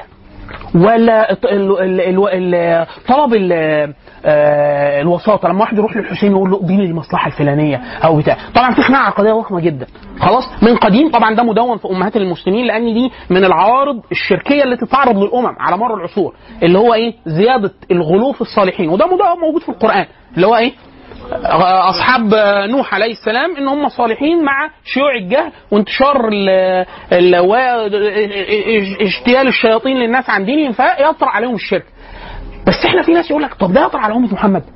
يعني آه طب النبي صلى الله عليه وسلم قال لا لا تقوم الساعة إلا تضطرب آه، الايات نساء دوس حول صنم لها ذو الخ- يعني هتعبد الأصنام مرة أخرى في جزيرة العرب. وهيقول لك إيه ده طب إزاي؟ وإحنا نبقى مشركين. فالراجل قال لك إيه؟ قال لك والله الخناقة العقدية دي تكملوها مع بعض. براحتكم أنا يهمني إيه؟ هي إزاي واحد مسلم نشأ في ديار المسلمين يظن حاجة في حد من الصالحين ميت؟ ده واحد. اتنين مات ده هيعمل له إيه؟ ثلاثة هو بيقول له إيه بال- بالفعل. فسيد عيسى عمل إيه؟ طلب من وزارة الداخلية قال لهم يا اخوانا ضريح الإمام الشافعي رضي الله عنه هنا في مصر الشافعي مدفون في مصر. فقال لهم إيه؟ عايز افتح الضريح. مش يفتح ضريح الإمام الشافعي. لا هو ضريح حواليه آه، خشب أو بتاع مش عارف. فالناس طبعا ده كان من قديم يعني ده الكلام ده من قديم جدا من أيام الإمام الشافعي ما هو مدفون والناس بت... اللي بيجي بيرمي له رسائل وده عرف مشهور عند المسلمين زي أهل الأندلس لما كان أحيط بهم فلا يستطيعون الاتيان للحج وطبعا متشوق لزيارة النبي صلى الله عليه وسلم. وهو لا يستطيع بسبب بعد بعد المسافة. فكانوا يرسلوا رسائل للنبي صلى الله عليه وسلم. وفيها أدب رائق جدا لو حد شافها يعني حاجة حاجة يعني جميلة جدا. لكن الشاهد فهو قال لك إيه؟ طلب وزارة الداخلية فتحوا له البتاع. وخدها وعمل عليها دراسة علمية اجتماعية يعني عمل استبانة وشاف اسم الناس نوعهم سنهم تعليمه الخط اللي مكتوب مستوى التعليم سنة كام طالب إيه المطلب كان اجتماعي ولا عقدي وبتاع اعتقاده في الإمام إيه فهو قسمهم قال فعلا في ناس آه، مجرد إن هو إيه آه، أزمة نفسية أو عاطفية وفي ناس حقه ضاع حد كل عليه فلوس فجاي بيقول له بيشتكي له وفي ناس تعتقد إن اللي جاي يكلمه متصرف في الكون فعلا. يعني بيقول له بيقول له آه، بيقول له شوف أنت والأولياء اقعدوا كده واظبطوا لنا الموضوع ده أنتوا سايبين الكلام ده إزاي يعني؟ وفي حد بيتكلم بيكلمه على أساس إن هو قاضي أو وكيل نيابة أو بتاع. هو قال أنا قال أنا لا هو بقى السيد عيسى بتاعه بتاع علم اجتماعي يقول لك أنا لا يعنيني إنه اللي قايل الكلام ده كافر ولا مسلم ولا بتاع. هو على فكرة حتى في المبحث العقدي ممكن يكون هو الفعل نفسها كفر وهو مش كافر. الشخص نفسه. ليه؟ لأنه ثبوت الكفر المعين لا يقع على المعين يعني الشخص بعينه إلا بثبوت شروط وانتفاء موانع مشهورة جدا في كتب الاعتقاد والأصول والفقه وغيره. اللي بيسموها عارض الأهلية اللي هو الجهل والتأويل ال- الجهل والتأويل وال- والإكراه وهكذا. لكن الشاهد إن ال- سيد عويس ده عمل إيه؟ عمل الدراسة دي هو والكتاب بتاع هتاف الصامتين. طيب نرجع تاني. رسائل الإمام الشافعي. إيه وجه الإفادة من الكتاب ده؟ آه، انت عايزه هو من الدراسه من الناحيه الاجتماعيه إيه؟ يقول لك بقى السوسيولوجيا الفعل هو الناس تعمل كده ليه؟ تعمل كده ليه؟ لا ما دايما يقولوا إيه لا يجد الإجابات إلا من يؤرقه التساؤل حضرتك مش داخلة في سؤال اجتماعي فمش هننتفع بكتاب أنا آه مثلا درست حاجة عقدية قبل كده والناس بتتخانق كافر ولا مش كافر فأقول لهم طب يا إخوانا هو الراجل بيروح له يقول الضريح بيقول لهم إيه فأنا عايز أعرف تحقيقا الناس بتطلب إيه من الإمام الشافعي. يعني مثلا ما قللناش مثلا أو فهمنا الناس دين ده غلط أو ما عملناش أي لا لا لا هو من ناحية البحث الاجتماعي كاتب توصيات في الآخر طبعا بإيه إيه السبب؟ لكن هو مش مصلح اجتماعي. يعني هو مش عايز يقول للناس بطلوا لأن الرسائل اللي قراها دي في ناس تكون ماتت ليها 300 سنة. رسائل مكتوبه من 300 سنة. هو عايز يحلل الفعل الاجتماعي. عشان كده القرآن القرآن من ناحية الفوائد الاجتماعية اللي مبثوثه جوه الآيات تح- تحليل الفعل. هم الناس عملت كده ليه؟ حتى تحذري من تكرار نفس الإيه؟ المعادلة الاجتماعية. زي الصالحين اللي عبدوا. عبدوا بعد تطاول الزمن فيقول لك إيه؟ على فكرة دي معادلة اجتماعية. لو أنت عملتي صنم عشان كده القرآن عنده تحذير شديد جدا وفي السنة من التماثيل. واحد يقول لك يعني إحنا عملنا تمثال. آه بعد 200 سنة هيتعبد. آه قطعا هيتعبد. ليه؟ لأن الإنسان ميال للتجسيد. ميال للتجسيد. ميال لوحده كده. فإيه؟ عشان كده ابن عربي صوفي مرة حد سأله قال له ليه الكلام في القرآن بيأتي آيات تقترب جدا من التجسيد لدرجة إن أنت شوية. شوية هطرى على ذهنك إن الله عز وجل كسائر الأشياء أو كسائر المخلوقات. وبعد كده آيات تنزيه لدرجة إن هو تكاد تشلك من أي صورة معنى الإله لدرجة انك شوية هتعطليه. مفيش صفات خالص. فيقول لك إيه؟ فقال حط الاثنين. حتى يقطع على أهل التجسيم تجسيمي ويقطع على أهل التعطيل تعطيلي بحيث إيه؟ أنت تعتقد تعتقد إن الله عز وجل له صفات عاليه تليق بذاته ولا تشابه مع شيء من المخلوقين ليس كمثله شيء وهو السميع العليم هي دي الفكرة. خلاص؟ لكن هو طبعا لا ليه فوائد ضخمة جدا في كل العلوم. لكن الشاهد نرجع تاني. فداروين بعد ما عمل طفرة عرضية كده في كل العلوم كل العلوم أثر فيها. جه عند الجماعة بتوع الفلاسفة. جون ديوي ويليام جيمس جايين من أصل فلسفي. داروين عمل لهم زقة جامدة جدا. إيه ده؟ استنى لحظة. هو أنت بتقول إن النوع ده أنا في حتة معينة دخلت لقيت كل البط أبيض؟ يا ابني البطه دي؟ أنا شايفها في جزيرة قبل كده سودا والله العظيم. كان في بطة سودا راحت فين؟ يقول لك مفيش بطة سودا راحت. إيه اللي حصل؟ يقول لك أصل إحنا ال- الجزيرة دي حصل فيها بركان مش عارف إيه. دي يمنى آه بركان فمش عارف حاجة كل حاجة بقت سودا فالبط الأبيض بقى بيتصاد بسهولة. لأنه بقى واضح كده. فبقى بيتاكل أكتر من الاسود فإيه؟ كل اللي لونهم أبيض ماتوا قبل ما يتجوزوا. الله يرحمهم. فكل الاسود بس هو اللي عاش. ف آه، آه، آه، اسمه إيه؟ البقاء للأصلح أو survive for the fittest اللي هو إيه؟ أي ده لحظه هو إحنا بن... الحاجات اللي بتقعد ولا الملكات اللي إحنا بنطورها ولا اللي بتنتقيها الطبيعة دي ليها وظيفة؟ آه. ده هي وظائف التكيف. داروين كل القصة بتاعته إن إيه؟ إيه اللي بيخلي ده يقعد وده يمشي؟ أو إن في صفة كان بتظهر وتبدي بنسب تلاقي دي قاعدة بتزيد تتعاظم لدرجة إن الثانية تختفي ويختفي تماما.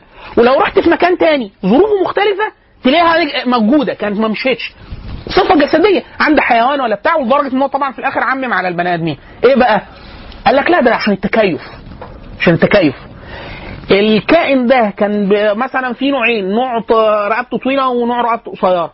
آه الاثنين دولت عرضوا الأشياء فحصل هنا مشكلة آه بيئية فاللي رقبته طويلة قدر ياكل واللي رقبته قصيرة اللي رقبته قصيرة ده ما قدرش يتجاوز بالقدر اللي يبقي هذه الصفة مع التطور الاماد اختفى اتبقى الأولاني فبقوا يتجوزوا من بعض الصفة دي بقت إيه؟ مش موجودة فالنوع ده هو اللي قعد والنوع الثاني اختفى ليه ده؟ وطبعا لما دول اتجوزوا مش بس الصفة قعدت ده الصفة قعدت واتطورت فبقت إيه؟ في جيل أطول بكتير جدا من جد جد جد جده في هذه الصفة. فالصفة دي اخت- اختيرت. ليه؟ ليه جيبيها ليه خليها؟ تعالى بطة. خلاص؟ وهكذا. فالفكرة دي سيطرت على تفكير كثير جدا من ال ال بطة بطة أهلا أهلا. أهلا ده موسوليني لا لا مرتبطة لو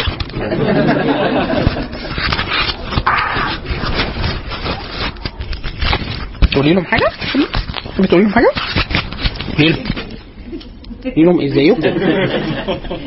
قولي لماما إزيك؟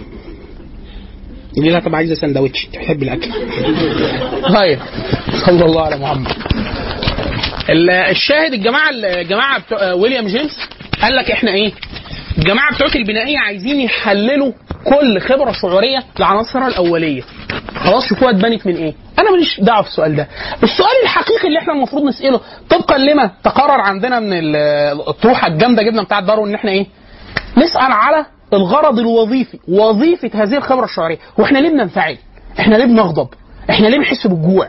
إحنا ليه؟ وهكذا. فإحنا ندور على إيه؟ عشان كده المدرسة اسمها الوظيفية أو أحيانا بيسموها الغرضية. بس لا خلينا لا لا لا, امسك لا لا الوظيفية خلوها الوظيفية اللي هي وظيفة وظيفة الخبرة الشعورية أو الاشياء. طبعا حصل المدرسة دي عملت طفرة كبيرة جدا في سيكولوجيا التعلم وليهم طبعا إيه بعد كده شغل كبير جدا في التعليم وفي فلسفه التعليم في سيكولوجيا التربيه حاجات كتيرة جدا تطبيقات من الفلسفة والأطروحة بتاعة الوظيفية خلاص كده المدرسة البنائية نقدر نقول كده نحط عليها لزقة لو إحنا هنصنف المدارس إن هي مدرسة تفتيتيه جزئية ذرية. يعني إيه ذرية؟ إن البني آدم ده لو أنا فكيتك ل 100 مليون جزء هم أنت كده كبني آدم. يعني أنت إيه غير اتنين عين واحد شفة واحد مناخير اتنين رجل يلا اتنين إيد ثلاثة قولون أربعة. يعني أنت في الآخر إيه قاعد عند حاتي حاتي كبر القد القبه مثلا. حاجة كده. اللي هو أنت مجموعة جزيئات. خلاص؟ المدرسة المدرسة الوظيفية قال لك لا إحنا لازم إيه نبص بشمولية شوية. ليه؟ الإنسان وبتاع. خلاص؟ هتيجي بعد بعد كده مدرسة اسمها اله- ال- الهمريه أحيانا آه، أو أحيانا بيسموها بالعربية بالعربية الغرضيه أو الغريزية أحيانا. آه، هو- هو- هومر آه، بال أظن باللاتينية معناها ال- عايز تشرب مية؟ طب ماشي. ساقعة؟ لا مش عايزينها ساقعه ماشي السنة دي فازي لوجيك. اكتبها عندك. اللي هو لا التعبير لا يمكن التعبير عن السنة دي بأي مقياس. ماما. لا كويسة. قولي بسم الله. لا قولي بسم الله. لا. ماشي. آه أوله واخره إحنا عندنا من غير ما تلمس الميه ده المختار على المذهب. يلا خدي نفس. نفس نفس.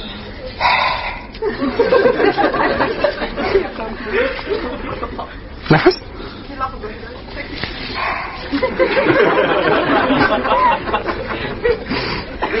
بس كده كفاية؟ عشان ما نعملش كيكي في نص المحاضرة؟ الحمد لله. نرجع لماما عشان المحاضرة تكمل. إيه يا منى. يلا روحي لماما إلى اللقاء. خلاص؟ آه في واحد اسمه آه ماك دوجل الوظيفية بتاع ويليام جيمس. جون ديوي. اللي بالثالثه الثالثه اسمها التالتة اسمها الغرضية. المدرسة اسمها الغرضية أو الغرائزية. إحنا كنا بنقول كل مدرسة هنوصفها وصف. الأولانية جزئية تجزئية تفتيتية ذرية. يعني إيه؟ أفكك أركبك. خلاص؟ اللي هي البنائية. الوظيفية قالت لك لا إحنا المفروض نبص بص إيه؟ أشمل لأن ده بصت لشيء غائي كمان. ده إحنا كمان الأشياء الانفعالات والغضب وبتاع ده ممكن تكون زي التطورية ليها هدف تكيفي آه توائمي مع البيئة. فإحنا لازم نبص بص إيه أوسع. فلا مش مجرد إن إحنا نجمع أجزائك آه آه كلاويك وطواحيلك وحاجاتك تطلع بني آدم. خلاص؟ بتجاوب عن لماذا والبنائيه بتجاوب عن ماذا؟ آه أحسنت. البنائيه بتقول لك ماذا؟ آه، مكون من ماذا؟ الثانية بتقول لماذا؟ غرض. غرض الانفعال أنت بتقول الخبرة الانفعالية أنا قست إدراكك للضوء. بتاعت التكيف بتقول لك إيه؟ هو أنت زمان أيام ما كنت بدائي لما كنتش بتدرك عينين مش عارف إيه وهو جاي لك كنت بتتاكل. فكل اللي ما أدركوش اتاكلوا اتبقوا بس اللي بي اللي أدركوا الضوء. فالملكة دي اتطورت عندك. فإيه غرض هذه الملكة؟ في التكيف مع بيئتك وهكذا. كل أسئلته بالطريقة دي. كل أسئلتهم بالطريقة دي؟ الوظيفية. وطبعا ليها أثر غير عادي الدارونيه ليها أثر ضخم جدا على علم النفس حتى الآن. يعني ما من مدرسة من علم النفس إلا وتكون هي دارونيه زيادة. يعني يقول لك إيه مثلا إحنا في البيئة بنعمل كذا ليه؟ يقول لك أصل زمان لما كنت كائن بدائي يا بيه ما كنتش بدائي. يخرب كده. ده الكلام ده إحنا عندنا عيب. إحنا أسرة محافظة ما تقولش كده. يعني إحنا الحمد لله كلنا آدميين متكلمين حامدين مستغفرين عابدين. مفيش عندنا كفار يا فندم الأسرة ما فيهاش كده. خلاص الشاهد لكن هي متأثرة جدا بالداروينيه المدارس علم النفس عموما يعني. لكن الشاهد نرجع تاني. المدرسة الغرضيه بتاعت ماجد- آه، ماكدوجل ماكدوجل بيقول إيه؟ بيقول لك آه لأ. هو إحنا يبدو ان إحنا آه في اطروحة فلسفية زمان كانت بتقول ان إحنا صفحة بيضاء إحنا بنتولد كده والبيئة هي اللي بتكون فينا إيه؟ كل الأشياء. التطورية آه بشكل أو بآخر هي بيئية. يعني انت بتقول لك البيئة بتضغط عليك بالتحديات فانت عشان آه، تتكيف معاها فبتطور شوية أشياء في اغراض تطوير هذه الأشياء سواء مادية أو آه، سيكولوجيه نفسية هي كذا كذا كذا. فالراجل ما- ماكدوجل ده قال إيه؟ قال لك لا دي الحاجات دي غرائزية. اللي هي هومر آه، اللي هي أحيانا بيسموها الهومريه اللي هي instinct أو بيسموها غريزة أو آه اللي هي إيه؟ ده دافع غريزي أولي أولي. يعني أنت أنت جايب بتقفيلة المصنع بيه ده ال default عارف ال BIOS؟ مش فيه بطة هو ده هو ال BIOS. ده الراجل في ال motherboard ده ملزوق فيها. خلاص؟ فاللي هي فكرة إيه؟ إن إحنا لا ما بنمثلوش صفحة بيضاء أنت ده جاي معاك مع ال package. يعني أنت نازل معاك ده. خلاص؟ الغريزية. خلاص؟ طبعا ده آه، هيخش في خناقة ضخمة جدا مع بقية المدارس اللي بتقول إيه؟ إن أي حاجة بإن إحنا مجرد بس سلوكيات إحنا بنتعلمها وبتاع الكلام ده كلام فارغ في حاجات إحنا طبعا ده هينتصر ليه بقوة جدا المدارس المعرفية. لا المدارس المعرفية من أول شومسكي وإحنا جايين. يعني طبعا الناس ده هيقعدوا مضطهدين يا عيني الغرائزيين دول لأن المدرسة السلوكية دلوقتي على طول اللي أنا هقولها دلوقتي هتقعد مؤثرة لغاية منتصف الخمسينات. يعني لغاية 1950 السلوكية ما حدش يعرف يقول كلمة غيرها. اللي هي هنقول دلوقتي. إيه لغاية ما هتيجي المدرسة المعرفية هتسألهم شوية أسئلة جاية من حقل معرفي تاني خالص هتخلي المدرسة المعرفية والأسئلة المعرفية آه وفكرة الفطرية والغرائزية. طبعا هم عشان الخلفية مش مسلم فبيقول لك حتى الغرائزية دي بيولوجية. يعني هي حاجة بيولوجية بس إحنا مولودين بيها. إحنا طبعا بنقول إيه؟ قال لك فمن ربكما يا موسى؟ قال الذي أعطى كل شيء خلقه ثم هدى. يعني فكرة إن أول ما كل حاجة مولودة هي أصلا مساقه لل- على طول تعمل الحاجة. طب حد علمها؟ طب حد قال لها؟ مفيش. اللي هو أحيانا بيسموها أطب... أطب... في ناس بت- بتوع التصميم الذكي حاليا بيجي يتكلموا يقول لك إيه؟ هو بيعمل حاجة غائية. يعني قبل ما يتولد عارف إن هو عارف منين. يقول لك أصل اتخزن. اتخزن إيه؟ مين اللي خزن إيه؟ في إيه؟ بقى؟ اللفة. يروح يقول لك إيه؟ ده اللي هو بيسموه السلوك المعقد ال- ال- الذي لا يمكن رده إلى مراحل تطورية بسيطة. أيوه الت- الت- التعقيد الغير قابل للاختزال زي ما بيقول الحاج يحيى كده. طيب لحظة واحدة لحظة واحدة. نزلي إيدك نزلي إيدك أنت كمان. طيب ال- المدرسة السلوكية آه، آه، النجم ال- ال- ال- دايما إحنا لما بنقول اسم بنقول؟ أكتر واحد يمكن المدرسة تنسب ليه آه، جون واتسون. جون واتسون ده برضه جاي من المساحة الطبية وهيجي يقول لك إيه؟ يلا بقى لم حبيبي لم الشعور بتاعك والوعي ولم لي الكلام الفارغ ده مفيش الكلام ده خالص. يلا. إحنا إيه؟ قال لك إحنا بتوع سلوك. يعني إيه؟ إحنا بندرس فقط السلوك الظاهر الذي يمكن قياسه. يلا. اللي معاه أي حاجة غير كده يا أخوانا يروح ليه يا فندم؟ قال لك هو ده العلم. العلم هو دراسة السلوك الظاهر. اللي هو التفاعلات الكيميائية والحاجات اللي إحنا ممكن نقيسها. حلو الكلام ده؟ يعجبك؟ تمام. ما يعجبكش؟ طب أنا عايز أتكلم في الشعور وبتاع حضرتك ممكن تخش فلسفة جنبنا علم أخلاق بتاع إيه؟ وفي جزء جزء من البنائية. جزء من البنائية. لكن جزء لكن هو هو التاني ممكن يقول لك أنا مش هدرس ده. مش هدرسه. ده بيقول لك ما فيش غير كده. البني آدم يعني مثلا المثال المشهور جدا بتاع الجماعه بتوع الس- السلوكية. واحد اسمه كان إيه؟ بنت وولد اسمه إيه؟ آه جيل وبتاع اسم اسم ولد وبنت ماشيين مع بعض. البنت بتشعر إن هي جعانة فبتبص تلاقي تفاحة فبتقول له أنا جعانه فبيطلع فوق الشجره يجيب لها تفاحه. المثال ده مشهور جدا عند السلوكيين يقول لك هو إيه اللي حصل؟ يقول لك بيحبوا بعض. مثلا يقول لك ده كلام فارغ يا فندم. شعور ووعي وأحاسيس الكلام ده مش عندنا. أمال إيه؟ يقول لك هو اللي حصل إن هي وهي ماشية. حصل تفاعل كيميائي. طلع آه، جاب لها signal إن آه، المعدة هتشتغل والإفرازات دي هتفرض على الفاضي عايزين ناكل. خلاص؟ فأدت آه، آه، signal للمخ قالت له إيه؟ إيه ما تتكلم أنت هتقعد عايز آكل. آه فهي إيه؟ بدأت تتحرك تدي signals لكل الحواس.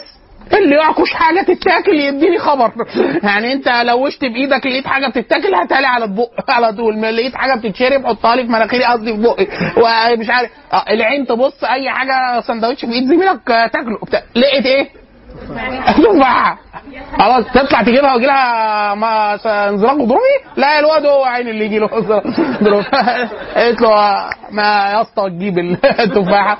هوب طلع جاب تفاحه كل شيء ردوا إلى إيه؟ لا ما يطول شرح. يعني هو في برضه هم بيكملوا. يعني هو في الآخر في الآخر هي كله تفاعلات كيميائية. إن هو برضه هو اللي طلعوا تفاعل. إيه؟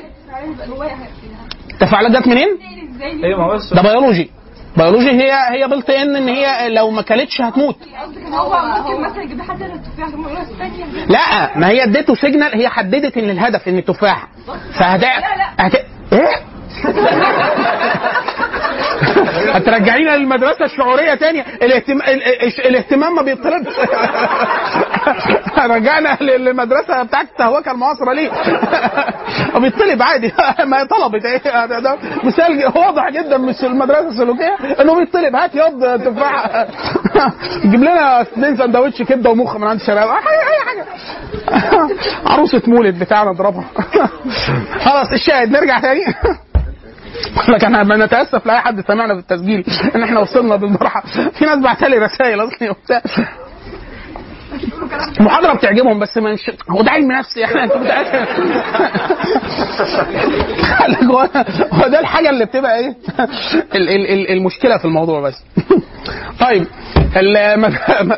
بذور المدرسة المعرفية. في واحد اسمه جان بياجيه الراجل ده هيقعد يشتغل شوية حاجات على الأطفال وبتاع وهيطلع بيها. طبعا الراجل هيقعد اسمه حتى الآن يعني جان بياجيه من الأسماء اللي لا يمكن تجاوزها لا في الدرس السيكولوجي ولا في التربوي ولا المنطقي يعني هو من الأسماء الكبيرة جدا. طب الراجل هيقول إيه؟ هيقول لك لا هو إحنا والله كل حاجة إحنا بنعملها دي وظائف مركبة آه، داخل فيها مسألة الإدراك ومسألة نشاطات عقلية مركبة والحاجات دي بتتكون بشكل معقد ومركب وإحنا دورنا إن إحنا ندرس تكون العمليات المعرفية والإدراكية دي. طب هندرسه عند مين؟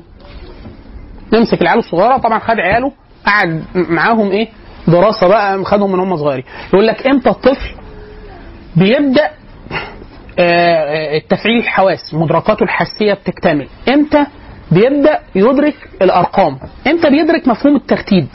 يعني العيل زي ما يقول لك إيه العيل لما نعلمه أغنية الأرقام في الأول يقول واحد ثلاثة خمسة. يقعد استنى في حاجة أنت شفتها في النص.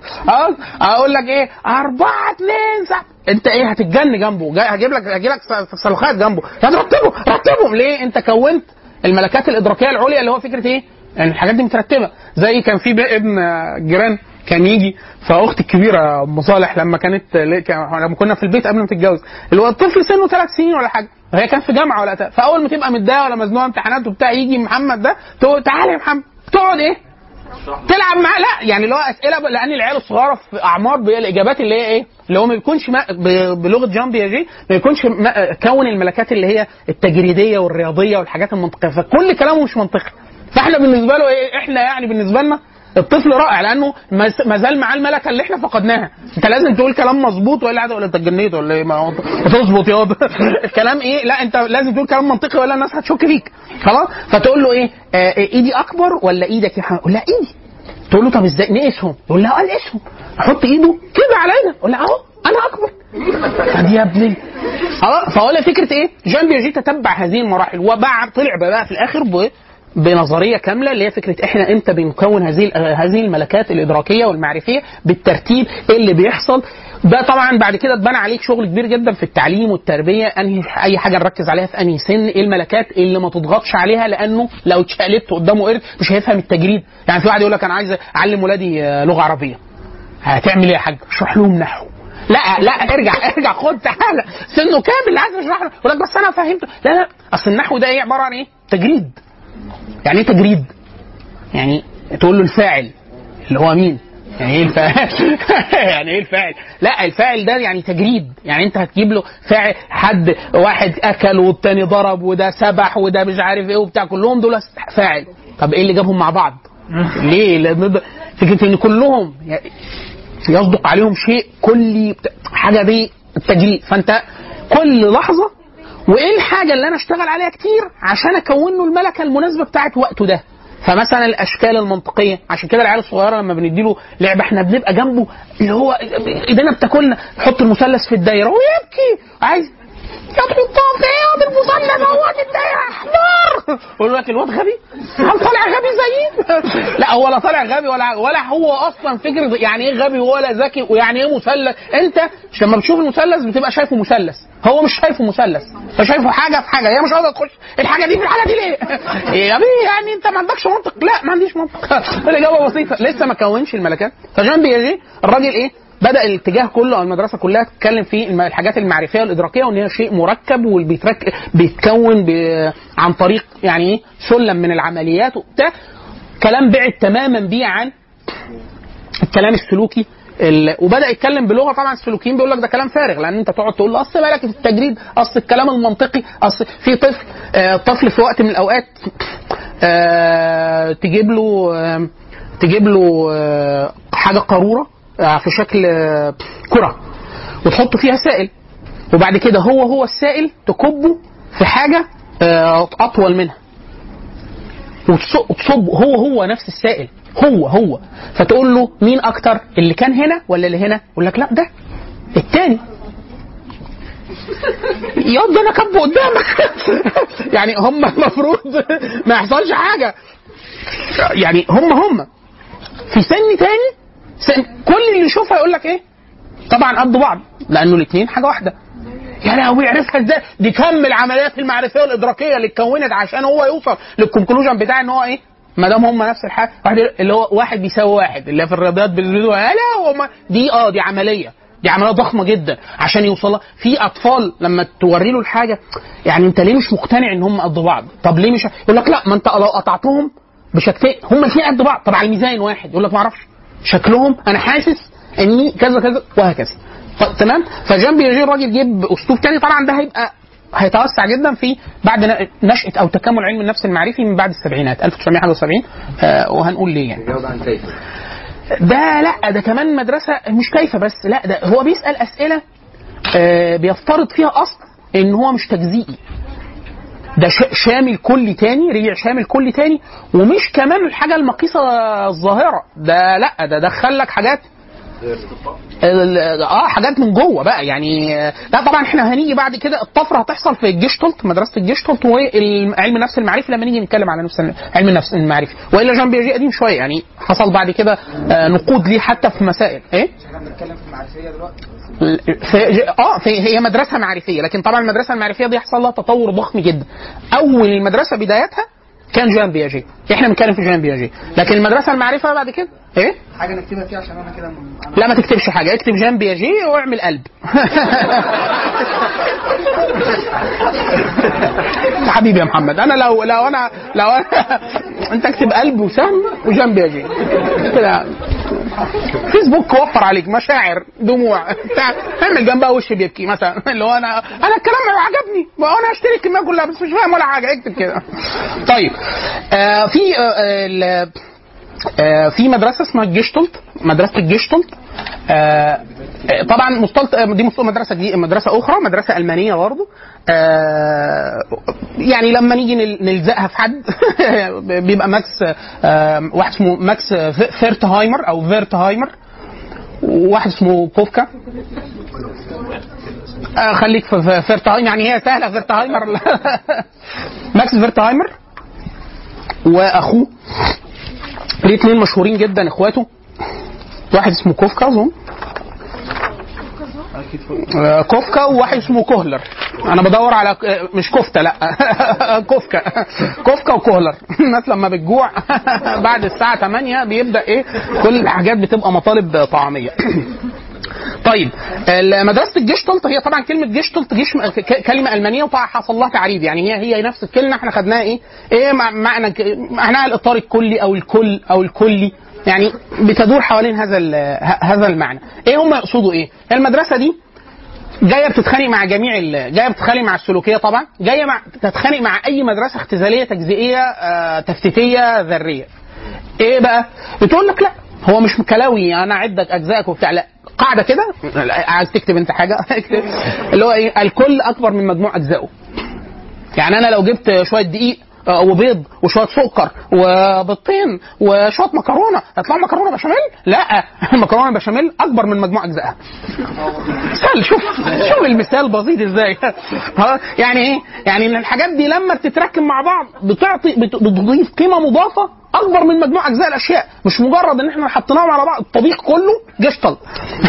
الطبيخ أكبر من مجموع اجزائه لأن أنت لو حطيت الحاجات مع بعض أنت تتصور إن دي تطلع حاجة يجيلك تسمم لكن بعد إضافتها زي ما إحنا مثلا أقول لك إيه آه، أحط لك طماطم عليها سكر. تقول لي ما أنت بتاكل كاتشب يا. هو هو ده. بس هو الكاتشب مجموع خل وسكر وملح وصلصة. وكلام فارغ ومقاطعه ومش عارف إيه واجي لك تسمم وفي في الآخر بتضربه وبتبقى هو إيه اللي حصل؟ إن الكل أكبر من أقول لك إيه دايما مراتي وأمي وكثير من ال- الأشخاص النابهين اللي أنا قابلتهم في حياتي يقول لك أنا باكل جبنة بيضة مع حلاوة طحينية دايما حلاوة طحينية لقمة وجبنة بيضة لقمة وج- وجبنة قديمة لقمة وج- أقول لك يا راجل في حد يعمل كده ده أشهر حاجات اللي هو ال- الفطيرة المشلتت ومعاه عسل. ومعاه مش. وبد- إحنا بنعمل الحاجات دي كل الناس بتاع الناس حاليا لما تقول له كلت حلاوة نابلسي ولا سوري ولا شام؟ يقول لك دي جميلة قوي إيه بقى؟ قول كده اللي أنت بتعمل. إيه اللي كان؟ آه يقول لك إيه؟ إيه؟ مش عارف إيه بالجبنة. هو إيه ياض اللي بالجبنة؟ أنت ياض مش لسه قايل حلويات شرقي من شوية. فتلاقيه إيه؟ والله جايبك كنافة بالجبنة. مش عارف إيه بالجبنة. طب ما أنت بتقبلهم أهو. بس إيه؟ ب- آه كل أكبر من مجموع اجزائه يعني ما تقول ما تصارحنيش بالمكونات. حطها لي جوه السندوتش على طول. يعني يعني ما ما تصارحني مش لازم تقول لي. يعني سم بدني بس من غير ما تقول لي هو إيه. خلاص؟ وهكذا. فجيشتلت جيشتلت قالت لا. إحنا ما فيش حاجة اسمها إن إحنا بندرك بمجرد قال إيه؟ لو أنا قست إدراكك للبصر وللضوء وبتاع مش عارف كده حل الخبرة الشعورية. الكلام ده لا ما ينفعش. أمال إيه؟ قال لك لا ده إحنا وإحنا بندرك بنعمل عمليات مركبة جدا هذه العمليات كلها لما بتشترك بتكون مجموعها وزيادة. مجموعها وزيادة. مثال مثال. هم طبعا عملوا قوانين كتيرة جدا اتبنت عليها بعد كده اختبارات ذكاء و... واختبارات قدرات وحاجات عندنا إحنا مشهورة جدا في ال... في التجارب التعليمية. منها مثلا الجماعة بتوع الجيستالت يقول لك إيه؟ اللي هو أحيانا بيسموه الاستبصار. أنت بتبقى قاعد قدام مسألة هتتجن خلاص؟ لو بنت قطعت ربع شعرها هو مش عارفة والواد قلام وبتاع وقام ضرب له مثلا 12 كوباية شاي وراجع مش عارف يحلها. ومرة واحدة ينام. يصحى يا بنت اللي عرفت افتكرتها. هو إيه اللي هو إيه اللي افتكرته وأنت نايم؟ يعني إيه اللي حصل له إضافي؟ ال- الجيش تقول لك إيه؟ أها. إيه اللي حصل؟ قول لي إيه اللي هو اللي حصل إن عمليات إدراكية مركبة. قعدت دول اتفاعلوا طلعوا لك إيه؟ حاجة زيادة. لا يمكن فهم الاستبصار إن أنت مرة واحدة في حاجة بقول لك إيه؟ أنت شايف البتاع دي تقعد تبص لشكل. هو إيه ده؟ فعلا تبقى باصص له. بعد كده مرة واحدة ما تعرف أكنك كنت أعمى. مره إيه ده؟ آه دي واحدة واقفة عاملة مش عارف إيه ده؟ طب أنت كنت شايفها إزاي؟ إزاي ما كنتش شايفها؟ انت نفسك حتى أحيانا تقول إيه؟ أو أحيانا زمان لو حد كان بيجيب مجلة ماجد. زمان. قال لك دور على فضولي. شوف شوف مشاعر والله العظيم. أيوه فكرتوني. فضولي ده للحال أي حد مواليد بعد سنة 95 ولا حاجة اللي هو إيه؟ حد شعره مش عارف كده ورسمة صغيرة وأنت تقعد تفر المجلة كلها. تلاقيه مرزوع متشقلب في حتة وانت شايفه قدامك. أحيانا ما تلاقيهوش. يقول لك فضولي في العدد ده عشر مرات. فين بقى؟ انت بتجيب المجلة كلها والقصص وبتاع. أحيانا تلاقيهم وأحيانا تلاقيهم تسعة ما تلاقيش العاشر. هتبقى هتتجنن في الآخر تقول آه آه. هم عشان مش عاملين كده عشان ما يدوش جوائز. ده في علم النفس بيسموه اللي هو نظرية المؤامرة. اللي هو إيه؟ متراهنين عليا أنا عشان الإمارات؟ ما تدفعلكش أنت يا معفن 150 جنيه. المهم يعني هو ده اللي هيعمل خلل في ميزانية الإمارات. الشاهد. ولا الكويت خلاص؟ لما ينزلوا العدد بيجيب لك الصور ويجيب لك الدايرة وأنت معاك العدد بتاعك مفيش بقى نظرية مؤامرة وانت تروح تركب اتنين قرنية جداد جوز مقسطات واتنين قرنية مكان اللي معاك دول عشان انت قدامك يا حاج وانت مش شايفه. إيه بقى اللي حصل؟ بتوع الجيش طلت يقول لك إيه؟ ده الاستبصار بقى. ان يبدو ان العملية المعرفية مركبة ومعقدة ومرة واحدة اول ما بيدفع له هوب بيجيبوا حاجة. أيوه يعني يعني اشتري مني. اش- اشتري اشتري, اشتري مني. خلاص؟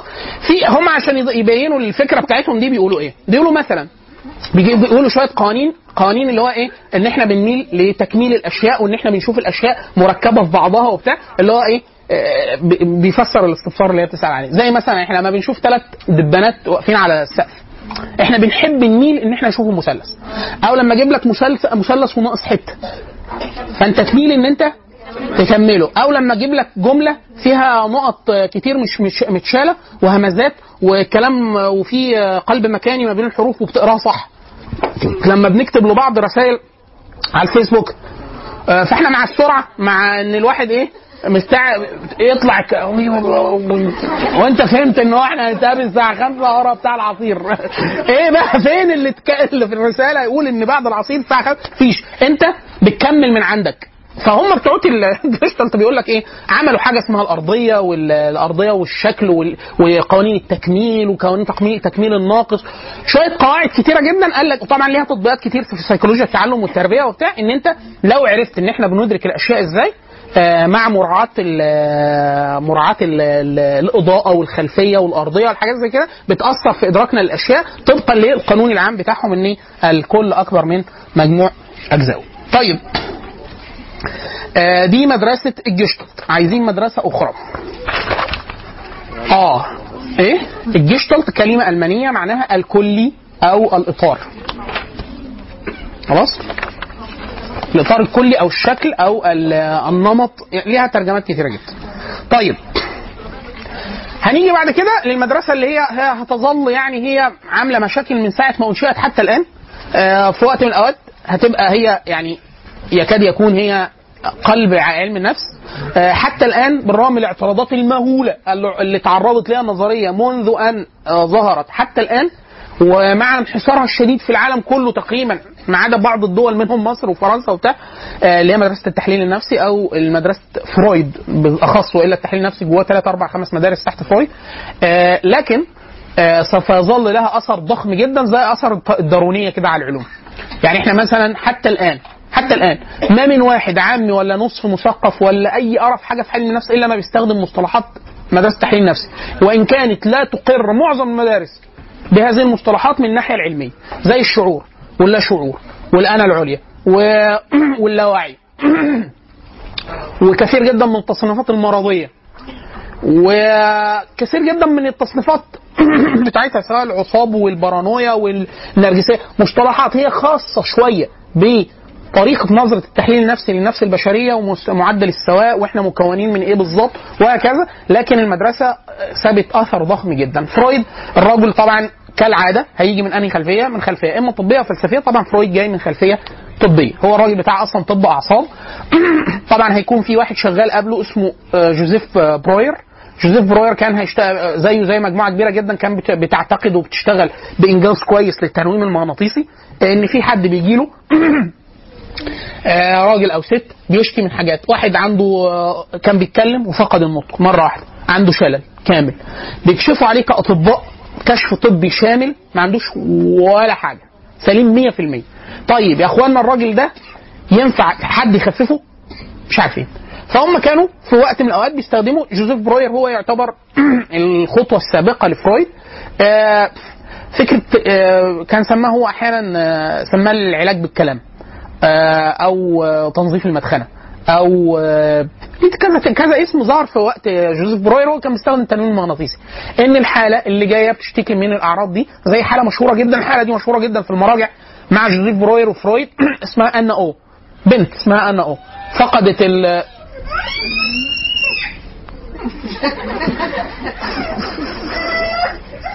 فقدت القدرة على فهم لغتها الأصلية. بتتكلم ألماني. فقدت القدره تفهم إنجليزي. خلاص؟ وبتفقد ال- الحركة. آه، وعندها شلل تقريبا وعندها شوية حاجات كتيرة جدا. ومش عارف فقدت آه، مش عارف الأبصار يمكن. حاجة كده. حاجة معقدة جدا. الراجل عن طريق تنويم مغناطيسي مع اللي هو سميتها هي بعد كده تنظيف المدخنة أو ال- العلاج بالكلام.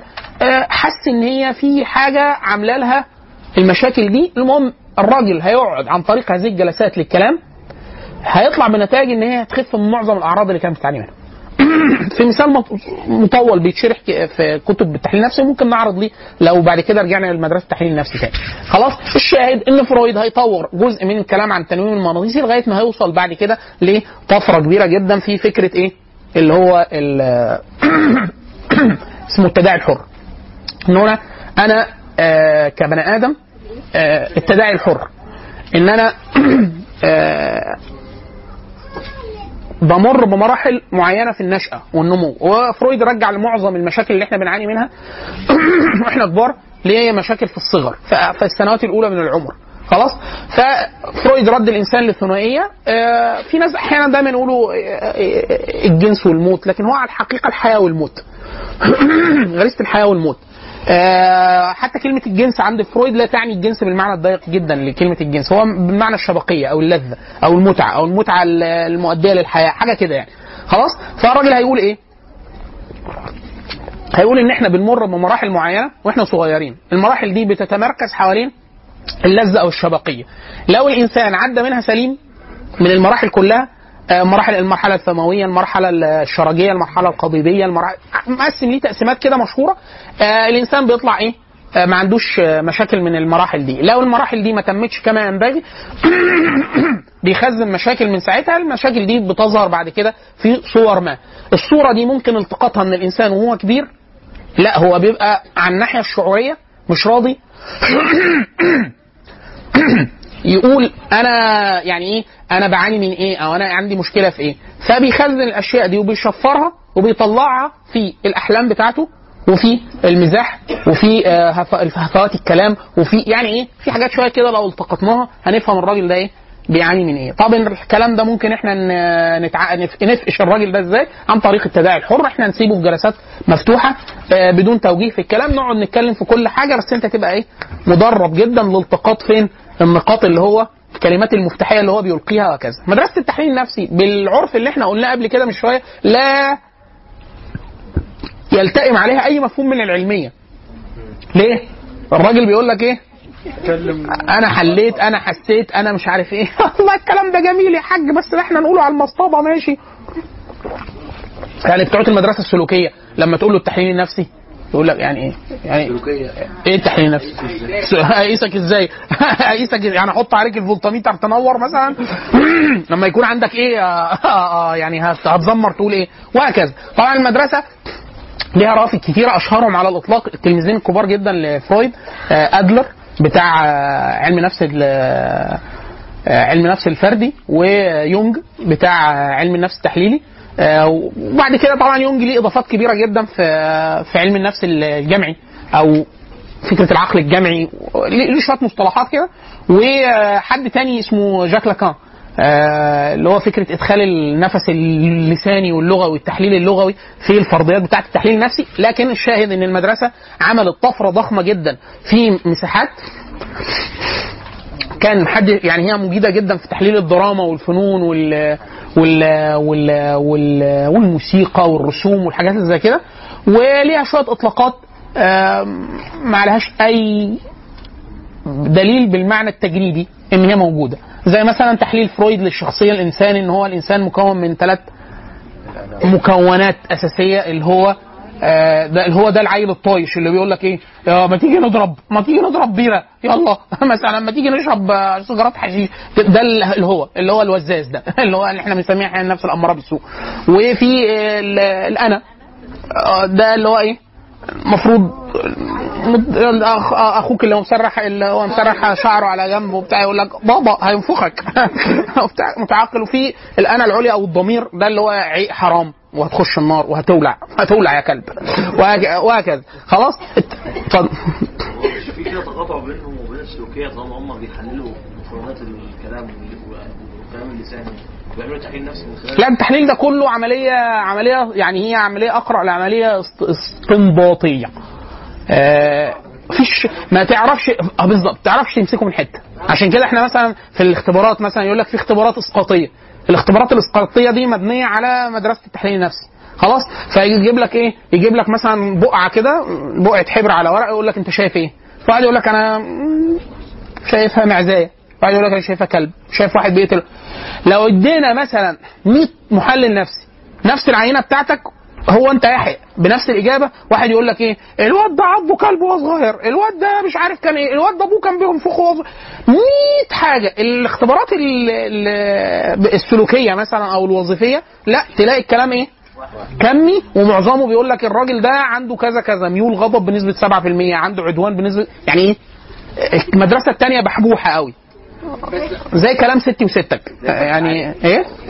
هي الجانب المنجز بتاعها هقول لك. يعني ممكن ف... ف... لما نيجي نتكلم على التأصيل النفسي هن- في التقاطع مع فيها قدر كبير جدا من الت- من التقاطع. فيها قدر كبير جدا من التقاطع مع حاجات كتير. ده حتى مع الدين نفسه. يعني في رسالة ماجستير لطيفة جدا. كانت معمولة مع بين تفسير فرويد للأحلام.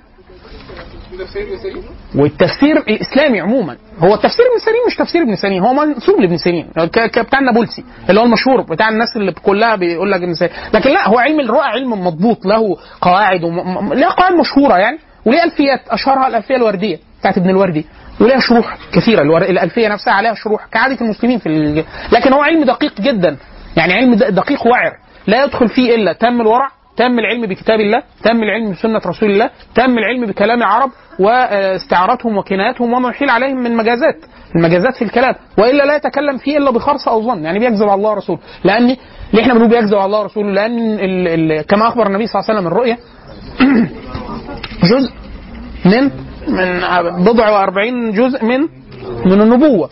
والرؤيا الصالحة يعني ب- يعني بشارات يراها المؤمن أو ترى له حاجات زي كده. فعندنا نصوص كتيرة جدا من الرؤى شيء يعني ارتباط ما بين عالم البرزخ أو مع العالم العلوي.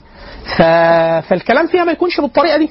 آه كانت آه، آه، أمي أحيانا لما ابتديت ألتزم فأي حد بيلتزم يبقى شيخ وما دام شيخ يبقى أكيد بيفسر أحلام. واضحة. فكانت تقول لي أنا أيمن امبارح شفت رؤية. أنا عايز أقول لها ماما ده في اضغاث أحلام وفي رؤية وفي حل يعني الرؤية دي عشان نقول ان دي رؤية؟ عايزة بس من باب يعني بر الوالدين. فأقول لها شفت إيه؟ تقول لي شفت إن أنا بعمل مكرونة بشاميل؟ فأقول لها يا ماما ابن سيرين ما أدركش البشاميل. إحنا كده بره. أصل دايما يقول لك لا تفسر الأشياء إلا على كلام العرب. دايما لا تفسر الأحلام إلا على لغة الرائي لغة الرائي ليه؟ اللي هو بيسموها التفسير الإشارات. الإشارة كل إشارة وبيسموها النصوص المركزية. فلازم أنا أفسرها. يعني الرأي لو واحد جالنا أمريكاني شاف رؤية شاف رؤية. فيقول لك أنا شفت كرسي. كرسي. فلا إحنا نشوف كرسي يعني إيه بالإنجليزي؟ chair شوف ال etymology بتاعت chair دي جاية منين؟ من اللاتينية وراها. ورا أمها لغاية ما نشوف. ليه؟ دايما تعبر الرؤية على رؤية على لغة الرائي. اللي شافه هو مش أنا. خلاص؟ وك... ك- ما دام إحنا عرب مسلمين تفسر على دلالات الكتاب والسنة. خلاص؟ زي قول آه، الرواية المشهورة لعبد الله بن عباس لما أتاه رجل عليه سمات الصلاح فقال له إني آه، رأيت أني أؤذن. فقال تحج إن شاء الله. ثم أتاه رجل عليه سيما سيما ال- الشطار يعني راجل شكله ضلالي. آه، فقال له رأيت أني اؤذن قال إيه تسرق تسرق وتقطع يدك. ف فالناس اللي قاعدين مع عبد الله بن عباس قالوا له أنت إيه؟ هي نفس الرواية. فقال أما الأولى فالراجل عليه سمات الصلاح. فقال فتأولت على قول الله عز وجل فأذن في فأذن فأذن في الناس يأتوك رجال.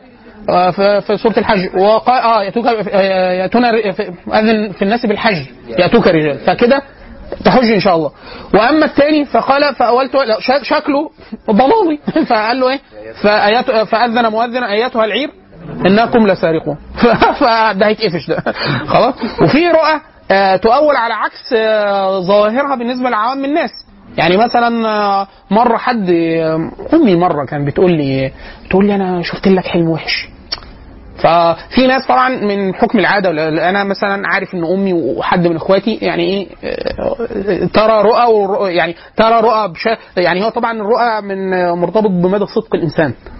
فإذا اقتربت القيامة لا تكاد رؤيا المؤمن تكذب. فالرؤى تقع لناس وبتاع فمن فقلت لها يعني وحشة بأنهي طريقة؟ ما هو ممكن هي تصا فقالت لي شفتك عريان. فقلت لها طب الحمد لله. فهو طبعا جمهور المج... ال... ال... لو شافك عريان وتحج عريان مثلا أو تتوضا وأنت عريان أو كذا ففيها مغفرة وتوبة. فقلت لها دي حاجة جميلة جدا. فقالت والله أنا كنت فاكراها. قلت لها لا الرؤى لا تؤول إلا على طبعا هي بتؤول على آه، قصة سيدنا أيوب. وهكذا. يعني في في حاجات مشهورة جدا. فالقصد إن هو علم دقيق. لو قارناه بكلام فرويد. في تقاطع. في تقاطع. ليه؟ لأن فرويد فيه مساحات اللي هو أحيانا بتوع الرؤى ما بيقولوش عليها رؤى. بيسموها أحلام. يعني انت لو خايف من امتحان بتحلم تقول كل إحنا عشان طلبة فاشلين. كل وقت بتاع وانت نايم بتحلم ان انت بتسقط في امتحان الفيزياء بتاع ثالثه ثانوي. وانت أصلا أد أدبي. بس أنا خايف من الفيزياء. فكرة إن انت ال- الامتحان انت رايح الامتحان ومش فاكر ولا حاجة وانت طب وهتفرق معانا؟ ما إحنا شلنا مواد كتير وما حصلش حاجة بس الواحد في الحلم بيبقى مأفور. يعني بيبقى حاسس إن هو إيه ما أنا سقطت كتير إيه ده تسترجل. أنا أحيانا الحلم ده كان بيزاولني زمان وبعد كده مرة قفشت نفسي وأنا في الحلم. أنت عارف لما تخش على نفسك في الحلم؟ تكون بتحلم وخايف. إيه يا ما إيه يا ما تنصب أيمن انت مش سقطت حبيبي قبل كده خمس سنين؟ أيوه صح. إيه اللي أنا خايف منه. اللي هو أنا مش خايف. من حاجة سقطت قبل كده كتير. مرة شاب كان معايا في الجامعة فأنا كنت في هندسة خبرة. يعني قاعد سنين فهو إيه رايحين على امتحان متأخرين خمس دقائق وهو ماشي. هو يبدو شخصية قلوقة يعني. ف تقول له انت قلقان؟ قال لي الامتحان إحنا متأخر. قلت له ده أنا ست امتحانات ترم ما رحتهاش. الامتحان يبقى ده قاعد وأنا رايح السينما مثلا ولا دي حاجة كده اللي هو في التأمل يعني. فين القلق؟ في ليه نقلق؟ فالغريبة بس بتبقى خايف في الحلم. خلاص؟ فكرة الكلاب. فكرة الكلاب والأسود. أنا قعدت مثلا سنين وأنا في في أسيوط بدون مبالغة خمس سنين. والله خمس سنين أو أكتر. أشوف أسود بتطير ورايا. الغريب إن إيه مفيش مرة بتقفشني يعني أسود نصكم يعني أسد لو فا يعني لو مد رجله مش أنا جايب أسد مش أرنب. خلاص. ده واحد. اتنين ألاقيهم في مناطق غريبة جدا. في الجامعة قاعدين ومحدش خايف. أنا اللي بس خايف. هو في ناس تاني. عليهم. وبعد كده بدأت فترة تطير ورايا اللي هو اتطورنا لك ما طالع عليا أسد كلني. يعني الرؤية بتتطور. أنا كل سنة أنجح أروح لل level تاني. أنت في ال level دلوقتي بتاع الأسد الكسول. ال level التاني بتاع الأسد.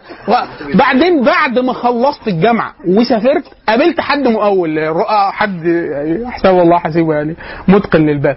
فقلت له رؤى كتير جدا كانت تقع عليا وأنا ما كنتش لسه يعني في اللي أنا بقوله إن في حاليا في آه، ألفيات وبتاع في وقت من الأوقات كنتش أعرف الكلام ده. فكنت متصور إن الرؤى دي لازم أقابل حد يقول لي أو بتاع. فسالته عن مجموعة رؤى كثيرة جدا قلت له أنا يعني كثير الأحلام قليل الرؤى. فعلا أنا كده شخصية كثيرة الأحلام قليله الرؤى. فقلت له الرؤى اللي أنا وقعت ليا الرؤى خلاص بي عندي علامة فبقى عارف إن دي رؤية مش حلم. فقلت له رؤى فقال لي عن أشياء وقعت 100% صحيحة 100% بس بعد ما مشيت بسنوات قال لي فهو أول ما قلت له اسود قال لي آه لا قال لي ده داعي السلطان يطلبك. قال لي أنت كنت شكلك مراقبينك. قلت له تصدق كانوا مراقبيني. الكلام ده من زمان. أصل مرة بقول له هم ما يطروش ورايا. قال لي بقى يعني السلطان يطلبك ولا ولا يؤذيك. قلت له فعلا ما أذانيش يا أخي بس وبعد كده قلت له حاجات يعني وقعت طبعا في الترتيب بتاع ال level بتاع الأسد ده وقعت كما أخبر. بس أنا ما كنتش فاهم ده. مش فاهم مش فاهم الرمز بتاع الرؤية. فرويد في كتب تفسير الاحلام وغيره يقول حاجات زي كده. بس طبعا الأثر الدياني والدلالي مختلف. جاك, جاك لاكان ليه شغل عالي جدا في التحليل. لأن جاك لاكان من نفس المدرسة بس إيه؟ قاطع شوط جدا في التحليل اللغوي واللساني وبتاع. في تقاطع كبير. لكن الكلام إحنا إيه؟ دايما إحنا قلنا في أول المحاضرة اللي فاتت إن إيه؟ إحنا واقفين على أرضية مهمة جدا. فكرة إيه؟ إن اللي قال ده مش مسلم. ولا ينطلق من منطلقات الشريعة ففي مساحة تحرير مساحة ال- المنطلقات دي مهمة جدا. طيب. في سؤال. قبل ما احتفظ بسؤالك. لحظة. واحدة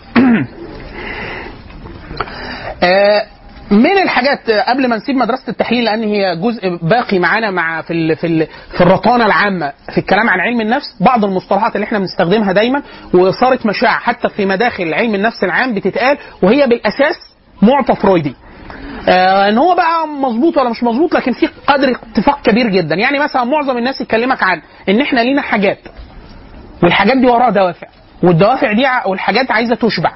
والإشباع ده لو ما أشبعناهوش إحنا بنعمل حيل عشان نتجاوز ده. إيه من اللي أنا بقوله ده؟ أنا مثلا عندي جعان. جعان. فأنا عندي دافع بيولوجي مثلا عامل لي حاجة. الحاجة دي أنا عايز آكل. طب الحاجة دي عايز أشبعها. فأنا قاعد ما دام ما أشبعتهاش أنا قلقان. عارف لما واحد تيجي تكلمه يقول له مش قادر أنا جعان. مش قادر حاجة. عارفين وإحنا في المحاضرة؟ اللي هو قاعدين أنا عايز مولتو يعني طب إيه علاقة المولتو بان انت مش فاهم؟ يعني كونك ان انت متأخر عقليا مش المولتو مش هينفعك. لا هو انت فعلا بتكون جعان. ليه؟ دلوقتي انت في حالة قلق توتر. أنا عايز إيه اللي حاصل؟ ان أنا عايز اشبع حاجتي بتاعه إيه؟ الأكل. طيب دلوقتي أنا في المحاضرة. في المحاضرة. والمحاضرة دي في الجامعة والجامعة بيدخلوا المطاعم جوه فأنت قاعد والراجل بيعمل كريب تحت. دلوقتي أنت جعان؟ طبعا. إفرازاتك الهضمية شغالة؟ المعدة قر- قر- قربت تتحرق يا فندم أنا مشغل الموتور على الفاضي.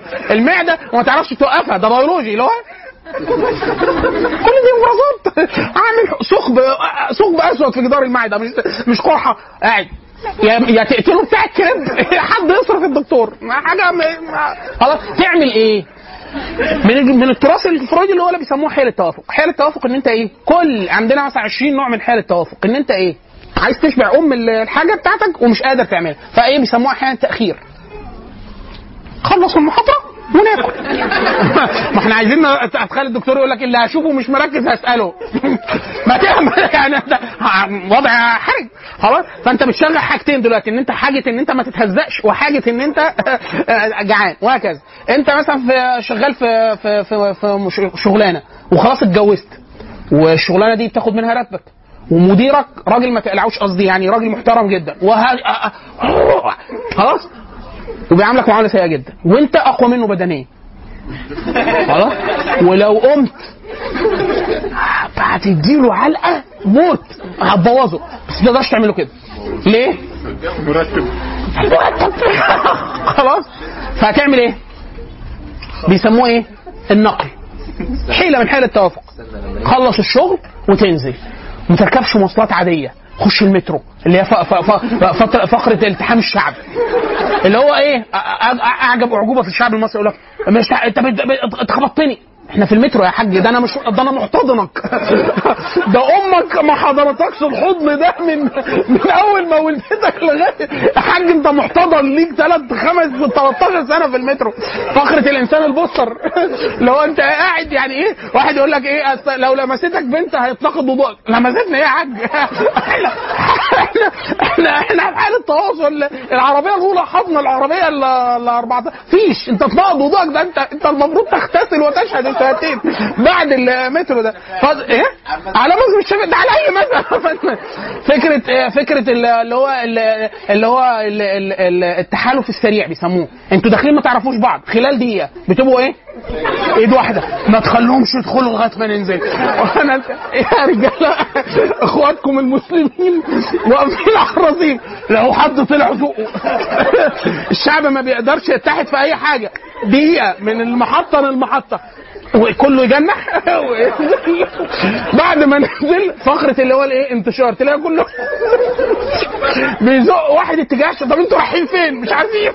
أنا للحظه أنا بحب اتامل في علم النفس الاجتماعي بيسموه اللي هي عشوائية الانتظام وانتظام العشوائية وأنت نازل تحس الناس إيه للحظة هم هم نزلوا بس مش عارفين أروح فين اللي هو طلع أيوه أنت كنت هتروح فين؟ فين مدخل؟ فين فين المكان فين وبعد كده تلاقيه وقف إيه؟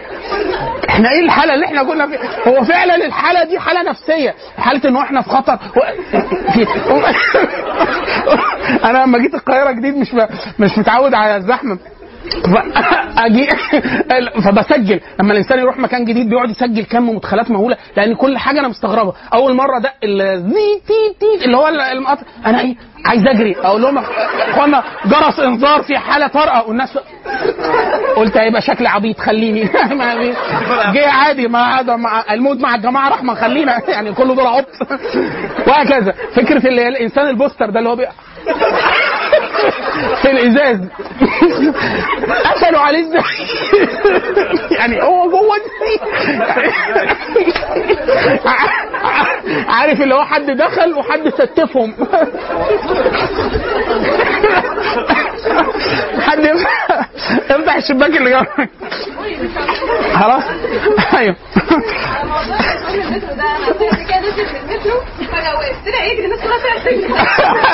ده أنا لما نيجي عند انواع علم النفس نتكلم على علم النفس الاجتماعي لا علم النفس رائع في المترو. فكرة الشحاتين التعامل مع الشحاتين اللي هو إيه؟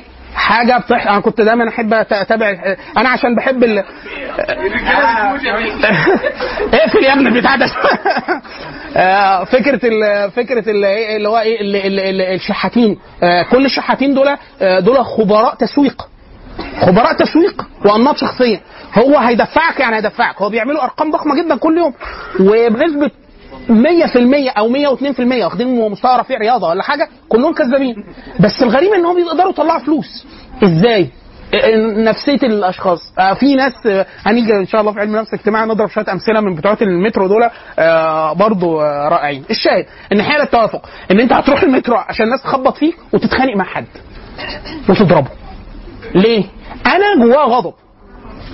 وهفضل متوتر كده. أو لما تروح. مراتك عملت إيه في الشغل النهارده؟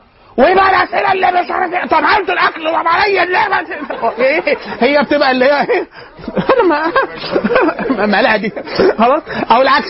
أم شغالة وراجعة البيت. هي إيه؟ متحفزه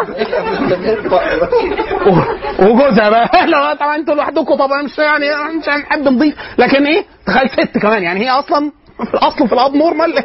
دلوقتي حصل لها حاجة أب abnormal فخلاص. اللي هو إيه؟ انت ما بقتش تحبني زي الأول. عشان كده لو واحد دارس علم نفس أول ما مراته تبدا يقول لا لحظه باب حيل التوافق؟ اختاري لك حيلة. أنا اوف النهارده. يعني عشان إيه؟ دايما لما اتنين يكونوا دارسين علم نفس بيراح ركن حيل التوافق. زي الأم اللي يكون حد غيظها فأول ما ابنها يعمل أي حاجة تروح إيه؟ منفجرة. في حاجة ضخمة جدا. بس ده ما يستحق ما يستحملش. هو ده حيل توافق.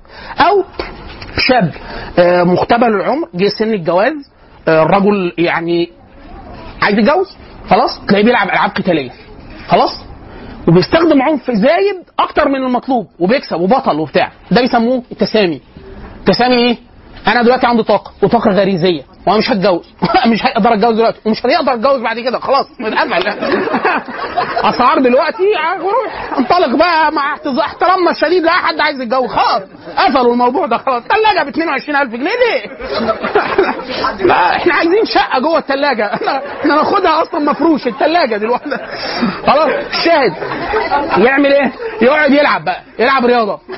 منها يطلع الطاقة دي وحاجة معترف بيها اجتماعيا. ما هو ممكن يزني بس ده حرام. فهو كده هيبقى آثم. لو أنا ضربت العيال دي كلها في الجودو مثلا بتاع هاخد بطولة. يعني اضرب دول كلهم وما اتجوزت وآخد جايزة؟ آه يلا بقى. بوظ العيال دي كلها. خلاص؟ وهكذا. خلاص؟ وخدوا من ده كتير جدا. حيل التوافق فيها فيها في التأجيل التأخير النقل. في الكبت. الكبت. أنا عايز فلوس. وعلى الفلوس دي عايز أجيب منها حاجات وعايز أشتري عربية حديثة جدا وبتاع. فتيجي واحد يقول لك إيه؟ بكره العربيات جدا. بخاف منها. جدا يقول بص العربية وحشة هو في قرارة نفسه هو بيكره العربيات فعلا. وقرفان منها. بس في اللاوعي ده اللي كبته بقى. وهو زمان بقى. خلاص ففي كبت في في في في نقل في تسامي آه، في حاجات كتيرة زي كده.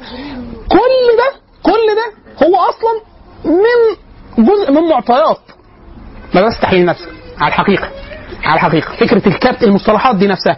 لكن الشاهد إن هي صارت داخل جوه المصطلحات العامة بتاعت مداخل علم النفس العام لدرجة إن أي كتاب تقريبا في أصول علم النفس أو مبادئ علم النفس أو مدخل علم النفس إلا ما بتستخدم هذه الاصطلاحات آه، وإن كانت هي اصطلاحات ممكن يعاد فيها النظر آه، ومن أكتر الناس اللي بيحاولوا يقدموا بدائل أو بيناقشوا ده الجماعه بتوع آه، آه، علم النفس المعرفي على الحقيقة يعني لأن هم أكثر يعني إيه أكثر تركيبية منهم.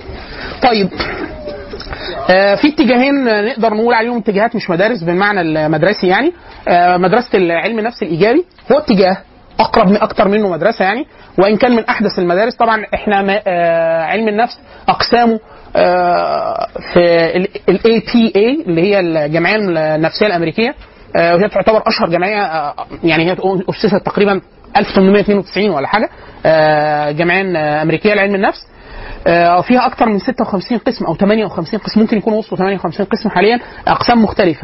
أشهرهم واخرهم من أواخر الحاجات تقريبا سنة 2000 ولا حاجة علم النفس الإيجابي.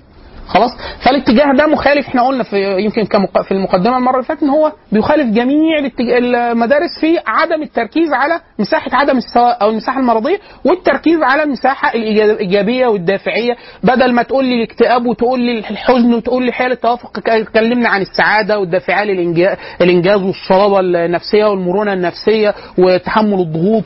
يعني كل شيء إيجابي. ما تكلمنيش عن أي حاجة سلبية كلمني عن أي حاجة إيجابية. خلاص في المدرسة دي بتركز بشكل كبير جدا. أشهر اسمين فيهم مارتن سيلجمان واحد اسمه آه، آه، شيكزن تيم هالي. جبت- جبتها. شيكزن تيم هالي. مارتن سيلجمان احفظ مارتن أحسن. تاني شيكزن تيم هالي. ده والله العظيم اسم أمه سميته كده. شوف شوف الأمهات دي كانت عندها كبت. هو ممكن يكون من أصل هندي أظن أو من أصل أوروبي. يعني ال- الأوروبيين أنت عارف الألمان؟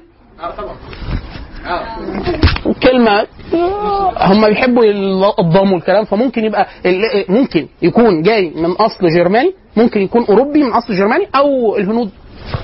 برضه الأسماء يعني ما فاسمه شيك زين تيم هالي. والله ممكن تكون تعويذة يا يحيى فعلا. تقولها تتسخط آه، عربية ربع نقلة. ومارتن سيلجمان. طبعا مارتن سيلجمان أسهل. أبو العلم. أبو العلم أم العلم مارتن سيلجمان.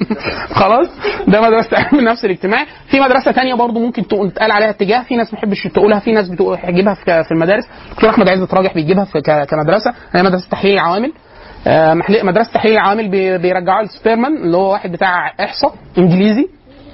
آه، في نظرة تج- تجزئية. آه، بس هو الراجل بيقول لك إيه إحنا عايزين نعمل مصفوفات لأكبر كم من العوامل الأولية التي لا يمكن تفتها المركبة لجميع الظواهر النفسية المركبة. فإحنا لو جبنا قدرنا نوصل للعوامل الأساسية التي لا يمكن تبسيطها يبقى إحنا كده بنتكلم على العناصر المكونة لجميع الوظائف المركبة. إيه؟ أقرب للب... أقرب للبنايه بس طبعا إيه آه، واقفين على أرضية إحصائية. حتى ستيرمان في معاملات إحصائية باسمه باسمه هو نفسه. طيب. البالونة وصلت لفين؟ طيب. إيه ده؟ لا أنت أنت قفلت عليهم وفتحت عندنا؟ مين قال لك إن أنا؟ في سرسوب. اقفل ياض آه، طيب. آه، ممكن نشتغل 10 دقايق كمان؟ لا. انت مين؟ انت مروة؟ فين الواد؟ فين علي؟ عشان الواد؟ طيب لو حد عنده سؤال في دقيقة أو دقيقتين تعليق أو في دقيقة أو دقيقتين المرة الجاية إن شاء الله نستعرض آه، ميادين علم ال- النفس آه، المختلفة و إيه؟ يقول لك في تكليفات ما حد قال لك اقتلوه قبل أن يتكاثر. لا لا ما إحنا حلنا ده جوه التكليف بتاع المرة اللي فاتت. الجزء اللي إحنا حلنا عليه في زغلول والهنداوي كان فيه المدارس. يعني اللي ما عملش الواجب يعمل آه يعني اللي ما عملش الواجب يحترم نفسه ويحمل ال- ال- الواجب. المرة الجاية إن شاء الله هنتعرض لميادين علم النفس اللي هو القسمين الكبار علم النفس النظري وعلم النفس التطبيقي. هنجيب مثلا حركة 15 علم في النظري 15 علم في التطبيقي نشوف هم بيقولوا إيه بيدرسوا إيه وفكرة التأصيل الإسلامي للدراسات النفسية. لحظة. يعني بصوا بعض واحضنوا بعض بس في هدوء. يعني لو حد عنده سؤال أو تعليق قبل ما نمشي في دقيقة أو في دقيقتين.